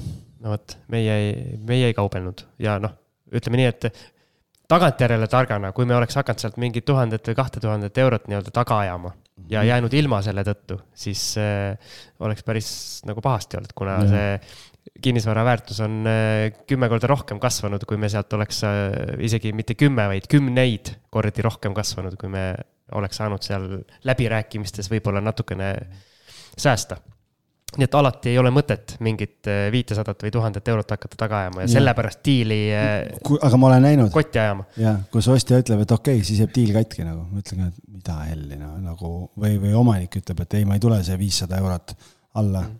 nagu ja siis, siis pärast võ- võib juhtuda, et tiksub veel mitu kuud ja tegelikult nagu maksad pangalaene ja asju, okei okay,, sa maksad laenu tagasi, aga, või siis tuled hinnas alla lõpuks vaatad, et läheb kiireks, läheb kiireks ja siis selle viie soti asemel tuled kolm või neli tuhat alla, et. ei no mina müüjana need, need korterid, mis ma olen müünud oma flipikorterit, siis äh, mina olen kohe alguses arvestanud, et noh, selleks, et ostjale tekitada sellist positiivset emotsiooni, mina olen sisse juba arvestanud, et sellest hinnast, mis ma portaali panen, ma olen nõus natukene alla tulema. sest kuna ma olen ostja poolel ka nii palju olnud, siis ma tean, et isegi kui sa saad, noh, ma ei tea, saadki viissada eurot, saad alla see on tühine protsent, aga see emotsionaalne eh, nii-öelda laeng, mis see nagu annab tegelikult inimesele, see tekitab oluliselt parema õhkkonna, see tekitab selle, et võib-olla see inimene ei jää sulle mingit vimma pidama, et umbes, et et pärast leiab mingi väikese varjatud puuduse, et siis hakkab kuskil protsessima, et mõtleb, et ah, vahet ei ole, on ju. teen ise korda või midagi. lihtsalt maakleri tooli pealt, mida ma näen, on ju, on see, et et äh, kõikide korterite puhul mõnikord on see kauplemise puhver seal sees, mõnikord ei ole, et äh, mõnikord reaalselt ütlebki, omanik ütlebki, et mul on uue kodu ostmisega seotud, mul on iga euro on nii arvel ja kui ma alla selle müün, siis mul lihtsalt ei, ma ei saa uut kodu osta ja ongi kõik ja ja, ja võibki olla, teinekord lihtsalt, aga noh, üldjuhul on see, et mingi puhver seal ikkagi nagu sees on, et no mingi tuhat eurot ikka saab tulla alla. noh. No võib-olla ei saa, okei. ja alati ei saa. alati ei saa, nii. Kui olete hinnas kokkuleppele saanud pärast kõiki neid suuri pingponge meili teel, siis telli ehituskvaliteedi kontroll näiteks ehituskaitsebüroost. see on jälle üks selline teema, millest on väga lihtne mööda minna või, või kuidagi alatähtsustada seda. aga tegelikult äh, jah, Siim, mitu korda oled tellinud? mitte kordagi, kahjuks. jah, et äh, hea näide, see on küll nüüd uue korteri puhul, aga see ei pea kuidagi eristuma vanade korterite puhul. meil on halduses siin ju uusarenduse korterid äh, päris palju ja ühel korteril sai garantii aeg täis ja me soovitasime omanikul tellida ehituskaitsebüroost siis äh, teenuse ja et kaardistada ära kõik, mis tööd siis garantii, garantii lõpu raames on vaja ära teha. Mitu lehekülge raport tuli, Siim? Mm, kui sa niimoodi küsid, siis ma arvan kuskil viis või kuus. nelikümmend kolm. okei, okei kui, suures kirjas see oli? selles mõttes selle, selle, selle mahu muudab suureks see, et seal on noh, teenusekirjeldused, kõik asjad ja seal on kõikide tubade loetelud, et äh, mis seisukorrad, kõik asjad, mingi puudused, siis on piltidena kõik asjad välja toodud, et oleks aru saada, kus need asjad on. aga no ülipõhjalik materjal no ma mõtlesingi, et neid vigu oleks umbes, kui no. ilma piltita, siis viis-kuus, ma arvan. ja no tegelikult ikkagi päris palju rohkem, et ikkagi Okei. No ma proovisin päästa. viiskümmend, kuuskümmend, ma arvan, pigem. et äh, noh, no kuna kontrollitakse tehnosüsteemid, kõik küttelahendused, kõik asjad, värvi, kuskil on mingid värvikahjud, mingid põrandad, aknad, uksed, kõik, kõik asjad kontrollitakse üle, mis vähegi võimalik on. ja sa maksad, ma ei, ma ei tea täpselt, kui palju sellise korteri puhul maksis, ma ei ole, nende koduleheküljel minu arust hinnakirja ei ole, et nendel on, sõltub korteri suurusest ja asukohast ka. aga noh, suvaline näide, et mingi, ma ei tea, viissada eurot on ju. et äh, sa maksad see viissada eurot. ja sa kaupled allahinnas, näiteks ma ei tea, saad viis tonni allahinnas ja siis sa mõtled, kurat, ma seda viite sotti ei raatsi nagu. Siis see on nagu nii vale koht, kus kokku hoida, sellepärast et et äh, sa võid säästa tuhandeid eurosid sellega, mis sealt välja tuleb või isegi otsustada, et ma ei osta seda korterit. ja see viissada eurot maksta on väiksem kulu kui see, et sa ostad mingi korteri, millega on mingid sellised probleemid, millega sa pead tegelema näiteks. või mida sul on tulevikus endal keeruline müüa, sellepärast et sa kuidagi ei pidanud seda nagu vajalikuks või oluliseks. Ja ehituskaitsebüroo on meil käinud ka äh, paar korda saates külas, ma nende saadete numbrid jään praegu. üsna alguses. võlgu, et, äh, et üsna alguses ma korra, oota, ma korra lasen äh, kiirelt lihtsalt praegu, kuna see tuli siin niimoodi ette valmistamata sisse, siis ma kohe ütlen Äh, üks saatenumber on meil osa kaheksa, üsna alguses. ja, ja teine oli kuskil kolmekümnega, kui mälu ei peta, oli teine saade. nii et, et igal juhul vaadake, kuulake, kolmkümmend neli, kaheksa ja kolmkümmend neli kuulake need saated mõlemad ära, et te saaksite aru, mis on enim levinud probleemid, mida nemad oma töös on näinud. et see tuleb kindlasti kasuks. ja, ja ühe suure oma maakleri karjääri kõige suurema objekti, mis ma vahendasin, üürimaja puhul. näiteks nad avastasid, et äh, see oli uus maja, et vannitubade põrandatega on probleem ja terve maja, vist, ma ei tea, kas terve maja või väga paljude äh, nende äh, korterite vannitoa põrandat tuli üles võtta ja uuesti teha. see on megakulu ja, ja sellise suure üürimaja puhul ma ei tea, ma ei mäleta, mis see, see maksis mingi tuhandeid eurosid, maksis see aga ta sääst-, aga ta kümneid tuhandeid tõenäoliselt. noh, see ei, see, seal ähm, akti tegemine maksis mingi. aa, sa mõtled see, ma mõtlen. Äh, kulu, kulu, et, kulu, et tellida teenus oli mõned tuhanded eurod, aga see sääst oli kümneid tuhandeid nagu reaalselt. et see on selles mõttes ja see ei pea olema ehituskaitsebüroo, noh, võib-olla sul on mõni tuttav ehitusspetsialist või keegi, kes oskab tulla ja, ja vaadata üle need asjad koha peal, aga lihtsalt, kui on olemas professionaalsed teenused turul, siis võtke pakkumine ja vaadake, et see tegelikult nagu on vale koht, kust kokku hoida. just, ja järgmine punkt äh, on siis, et vajadusel räägi uuesti hinnast ja kui sul on äh, näiteks äh, ehituseksperdilt võetud see nii-öelda nimekiri või saadud ja. see nimekiri, mis kõik valesti on, siis see on uutel hinnalägi, läbirääkimistel päris kõva argument ilmselt ja, ja, ja tegelikult noh, ma olen, nii palju, kui ma olen ehituskaitsebüroo seal noh, Marko Sults, kes meil on saates külas käinud, ka temaga rääkinud, siis ta ütles, et ega selle teenuse tellimise eesmärk tegelikult ei ole see, et hakata omanikku koinima, et sa, et sa lähed ja ütled, et kuule nüüd davai, tee veel viis või kümme tuhat alla. see on sulle endale kindluseks, et A, kõik on okei okay,, on ju, või B, et näed, need asjad on need, mis äh, vajavad tegelemist.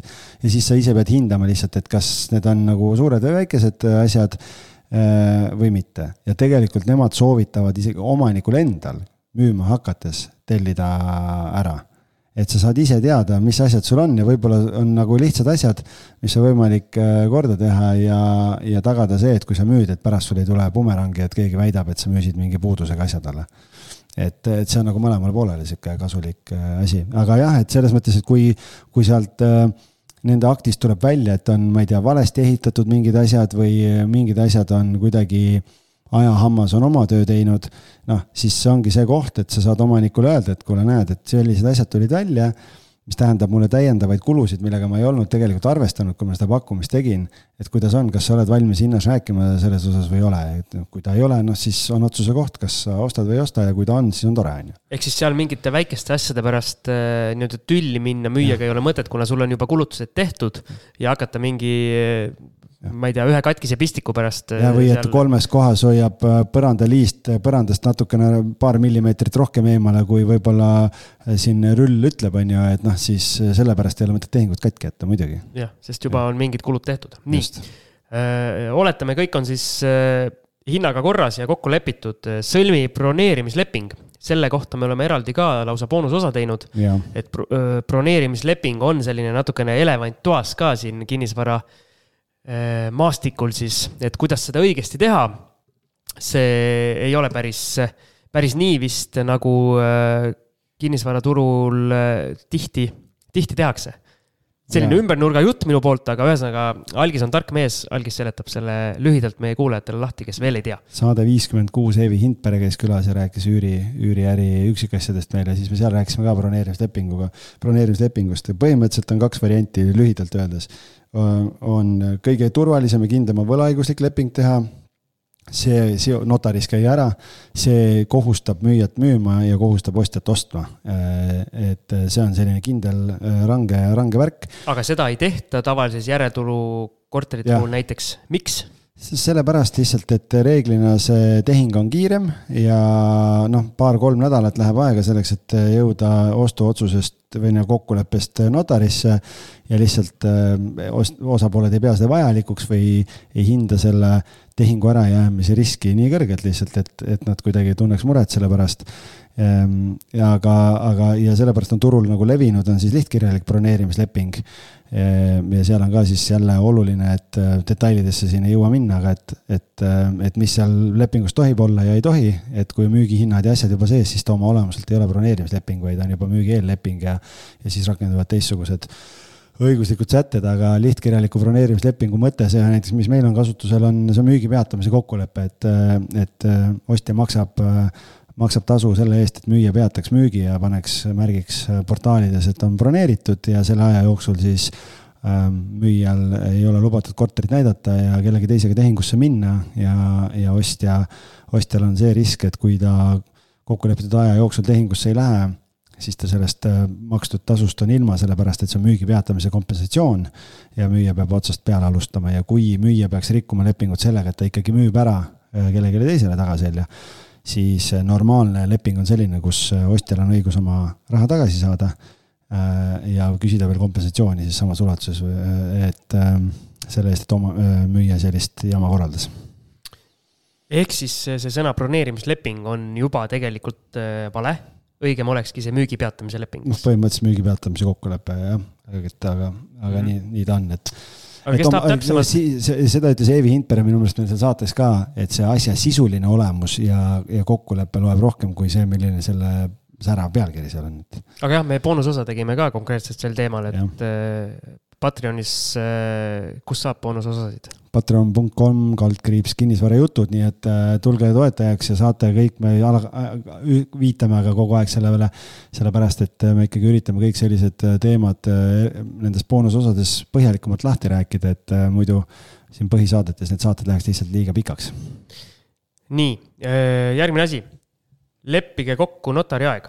kes tavaliselt Äh, selle initsiatiivi võtab, kui maakler vahele, see on lihtne, tavaliselt maakler seda, seda asja nii-öelda või seda juga juhib, et äh, aga kui on ost-, ostja ja müüja on. Äh, otse, ilma maaklerita. seal on jälle, tegelikult on niimoodi, et ähm, ähm, kui ostjal ja müüjal kummalgi hüpoteeki seatud ei ole, siis tavaliselt on nii, et mina ise otsin notari aja. kui ostja pool tuleb pangaga siis äh, reeglina ostjapank pakub ise aja, sest pankadel on püsiajad notarites ja ja selle võrra jääb seda omavahelist edasi-tagasi veeretamist äh, nagu on vähem. et äh, aga kui, kui tehakse ilma pankade ja ilma maaklerite tehing, siis see sõltub jälle kokkuleppest. et kui sa oled professionaalne kogenud kinnisvarainvestor, siis sul on võib-olla välja kujunenud mingi oma notar, kelle juures sa käid ja kes juba teab sind ka ja, ja siis sa võib-olla ütledki, et kuule, ma panen aja ja, ja teeme ära, sest võib-olla müüja iga päev ju ei müü, on ju, et ta müüb võib-olla, ma ei tea, korra kümne aasta jooksul. et see on niisugune poolte kokkulepe, et siin õiget või valet ei ole, et oluline on, et see aeg leitakse ja mõlemale poolele see aeg sobib ja ja käiakse koha peal ära või, olen, või tehakse kaugtõestusega? mina olen oma tehingutes tihti olnud see nii-öelda aktiivsem või proaktiivsem osapool, et äh, ma pakun teisele poolele välja, et ma kogun info, saadan siis notarile ise, panen selle notari aja. kui on teisel poolel mingi kindel notar, mul siin ühel, jälle oli vist see Saue korter, kus äh, inimesel oli oma mingi tuttav notar, et ta igal juhul tahtis sinna minna, siis, äh, siis läksime sinna, minul vahet ei olnud et aga reeglina, kuna tihti ikkagi minu puhul noh, nagu sa ütlesid, et juba kogenud, kogenud investor või kuidas sa nimetasid yeah., siis. no magnaat ikka juba. magnaat jah yeah., et siis kuna minu jaoks see ostu-müügitehing või notaris käimine on äh, oluliselt oluliselt tihem olnud kui paljudel müüjatel, kelle käest ma olen korterid ostnud, siis ma olen võtnud selle pinge neilt maha. et et panna siis nende peale see info kogumine ja notarile saatmine, et ma tean, mida notar vajab, ma saan ühe korraga juba kogu info ära saata ja siis läheb libedamalt see asi. ja tegelikult, kui sa oled nagu sellise sagedasem notaris käia, siis juba või kogenud magnaat, noh, siis sa näed ära ka, et notarid on väga erinevad, et ja mõne käekiri sobib sulle, mõnega võib-olla tunned kuidagi ebamugavamalt ennast natukene. et siis sa saadki vastavalt sellele, kellega sul kõige mõnusamad tehingud on olnud, saad, saad sinna minna, et et, et see on ka oluline. mul ei ole välja kujunenud nagu lemmiknotarit. mul on paar tükki. okei okay., ma lihtsalt isegi ei mäleta, kui noh. ja paar tükki on, kelle juurde ei, ei taha minna, taha minna, väga. okei okay., ärme siis lähe. nii, enne notaris käimist kontrolli üle, kas ehituskvaliteedi kontrolli käigus selgunud probleemid on kõrvaldatud ja see siis kehtib eh, eelkõige uusarenduste puhul. jah, noh, see võib kehtida ka selle vanema korteri puhul, kui ähm, kui selle tellitud teenuse puhul äh, müüjaga tuleb kokkulepe, müüja ütleb, et kuule, ma hinnas alla ei tule, aga kuna mul, ma teen ise korda, noh, et äh, või ma ei tea, mul ehitus, omal ehitustiim, kes teeb mingeid asju, et davai, ma teen ise, teeme korda ja et siis on oluline lihtsalt üle kontrollida, et on tehtud ka ja siis tegelikult järgmine suur punkt on meil, et mida teha pärast notarit, aga ma mäletan meil eelmises osas või eelmine kord oli sama, sama teema või kuskil oli sama teema, et aga mida teha notaris, see on äh, sisustamata jäänud. ja see on jälle puudu meil siin ja, ja., kodu ostmise puhul me rääkisime, mida notaris teha, aga räägime siin ka üle siis. räägime, mida teha notaris? üks asi, mis mina oma kogemusest ütlen äh,, ole julge ja kohe, kui sa millestki aru ei saa siis küsi, sest, sest notar on selleks seal, et äh, see tehingu olemus ja sisu ja kogu see leping äh, mõlemale osapoolele, noh, põhimõtteliselt inimkeeli selgeks teha, isegi kui seal paberi peal võib-olla on mingid sellised laused, mis noh, ei kannata nagu eh, nii-öelda kantseliitlikus mõttes mingit kriitikat, siis notari asi on see selgeks teha sulle ja öelda, et kas see on oluline või ei ole oluline ja mida see üldse tähendab. kas sa oled kaugtööstusega ka teinud? olen. Et kuidas ma olen sulle... hübriidi isegi teinud. vot, kuidas sulle tundub nagu äh, kumb sulle rohkem meeldib? Äh, silmast silma igal juhul. nii, ja miks?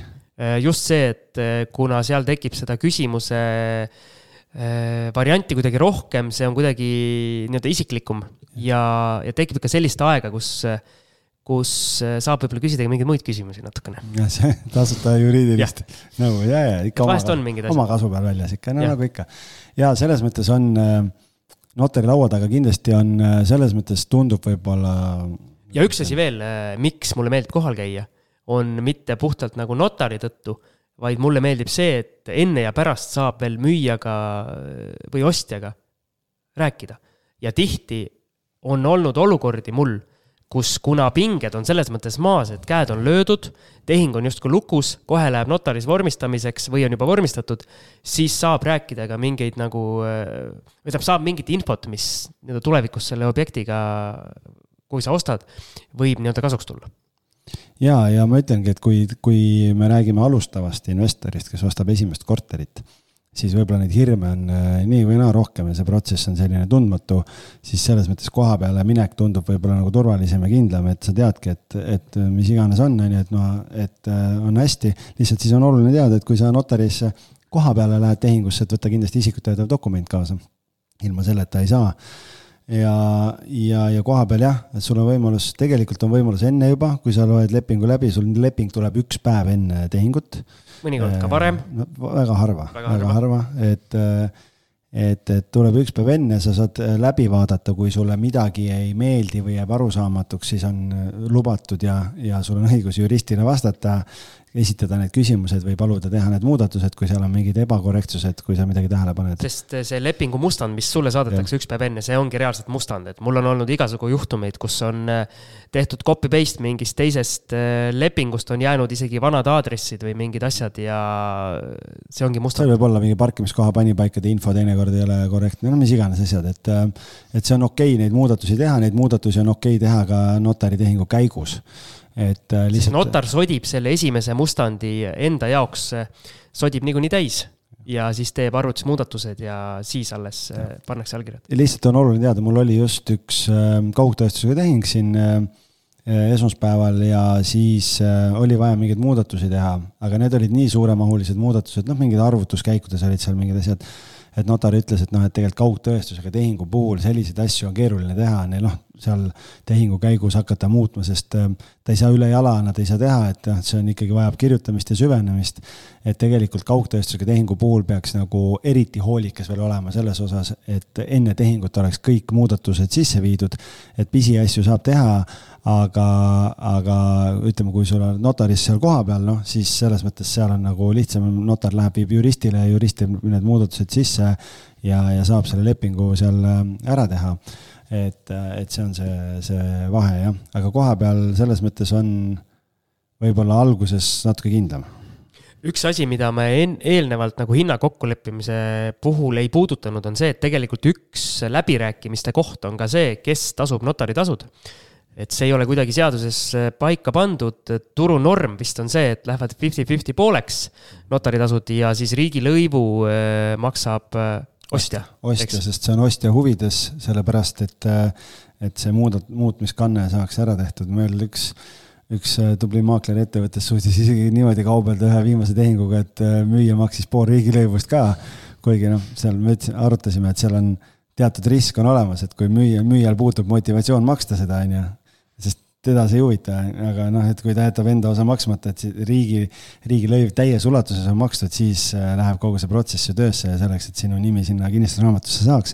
nii et ma, ma ütlen, et ärge selle riigilõivu koha pealt, ärge seda nagu peenestama hakake, et see makske ostjana ise, aga notaritasud viiskümmend, viiskümmend ja mida te peate arvestama, on see, et uusarenduste puhul äh, maksab ka riigilõivu sada või selle notaritasu sada protsenti ostja üldjuhul, üldjuhul. mina olen kasutanud äh, seda notaritasu argumenti päris tihti hinnaläbirääkimistes.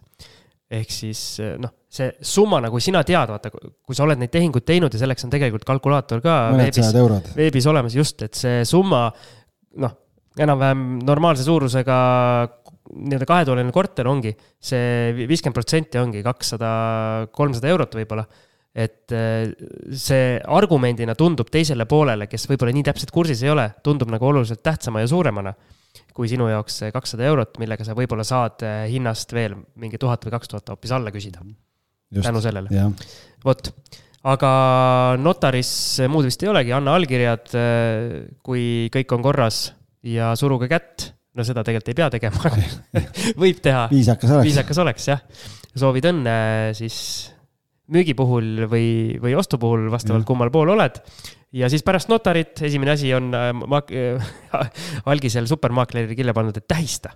no muidugi. Läheb kohe nagu no. pailaks või? no kui see nagu portfell suureneb, no ikka peab tähistama ju, muidugi. no, no sa, eriti kui ostad esimese korteri. kui sa portfellist äh, nii-öelda välja müüd objekte, ikka on paila no, või? sõltub, kui hea tehingu teed kui, sundmüüki teed. kui äh, miinusesse jääd, siis võib-olla ei ole tähistada midagi, aga, aga kui ikka nagu hea tehingu teed ja kasumiga müüd, siis äh, korraks võib näpud püsti visata ju. okei okay., siis, mis, mingid asjad, mis tuleb kindlasti ära teha, on, äh, on kindlustus, seda räägib notar ka, toonitab, äh, eelmine peab lõpetama ja uus peab tegema. ja, ja seal on äh, tegelikult noh, kui sul panka ei ole, kui sa ostad ilma pangata, siis sul kohustust ei ole aga rumalus oleks jätta see tegemata ja kui sa ostad korteri välja, väljaüürimise eesmärgil, siis oleks mõistlik valida ka selline kindlustus, kus sul on kõikvõimalikud kaitsed peal, tuli, vesi, kõik asjad kolmandate osapoolte. tuli, vesi, õhk ja maa, Power Rangers. okei, jah, väga hea, väga hea et, et oleks nii selle vastu kaitse, kui sinu üürnik ära uputab kedagi, kui selle vastu. tuli, vesi, õhk ja maa, need me kui... sõbrad neljakesi või kuidas see oli kes kust radadel rändab? tuli, õhk ja vesi, need me sõbrad kolmekesi või?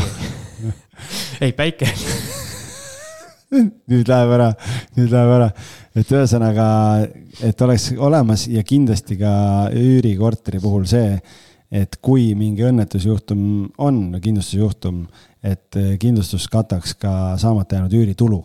et, eh, et see on väga oluline, et paljud võib-olla ei tea seda. nii et, eh, et need punktid võiksidki olla nagu kaetud. siis veel, mis tuleb ära teha, on uus elektri- ja gaasileping sellega on samamoodi, mismoodi mina olen lasknud teha, on see, et eelmine omanik lõpetab oma lepingu ära ja siis tuleb, kui sa veebis, veebilahenduses teed seda, siis tuleb üks selline koht, kuhu saab uue omaniku uue omaniku meiliaadressi kirjutada, tema lõpetab ära, siis tuleb mulle meil, et eelmine leping on lõpetatud ja siis äh, mina saan otse, otse kohe klikata sealt, äh, minna tegema seda võrgulepingut ja siis ka elektrilepingut. Gaasist ma ei tea midagi, ma ei ole kunagi ühtegi. peaks sama sarnane. ühtegi gaasi, gaasikorterit ostnud gaasikambrit gaasimaskiga ei käinud. gaasikambreid mul ei ole, jah nii, ja siis äh, korterit vastu võttes tuleb vormistada üleandmise vastuvõtmise akt. jah, ja selle käigus siis panete näidud kirja, vaatad üle veel, et mööbliloetelu kõik vastaks sellele, mis notarilepingusse sai. Sellega... kas korter on selles seisus, mis äh, viimati ja, oli, kui sa seda vaatamas käisid? põhimõtteliselt äh, selle üleandmise vastutamise akti sisu on siis see, et see on selle müügilepingu lisa, millega Äh, sina ostjana kinnitad, et sa oled tutvunud sellega, kõik vastab sellele, mis müügilepingus oli, sulle on üle antud kõik valduse võtmed ähm, ja näitud, fikseeritakse näidud ja siis on kokkulepe selle kohta, mis ajast hakkavad või kes hakkab maksma kommunaale, kuidas, et kui kuu keskel näiteks on tehing, et äh, siis ma ei tea, näiteks, et ma ei tea, võib-olla müüja maksab täies ulatuses selle arve või maksab ostja, kuidas kokkulepe jälle on või tehakse pooleks vastavalt perioodile Äh, osad, osad ühistud on nõus isegi seda arvet poolitama, osad ei ole.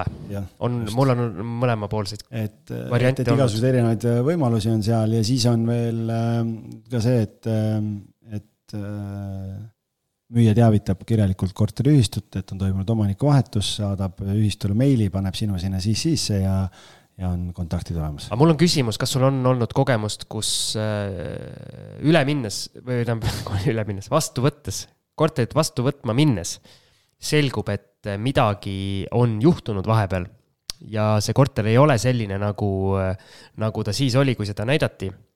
et mis siis teha? tui-tui-tui, ei ole juhtunud, ei ole juhtunud, aga, ja ma loodan, et ühelgi meie kuulajal ei juhtu ka. aga minu meelest noh, tähendab. kusjuures meie Facebooki grupis vist tuli hiljuti üks teema ülesse.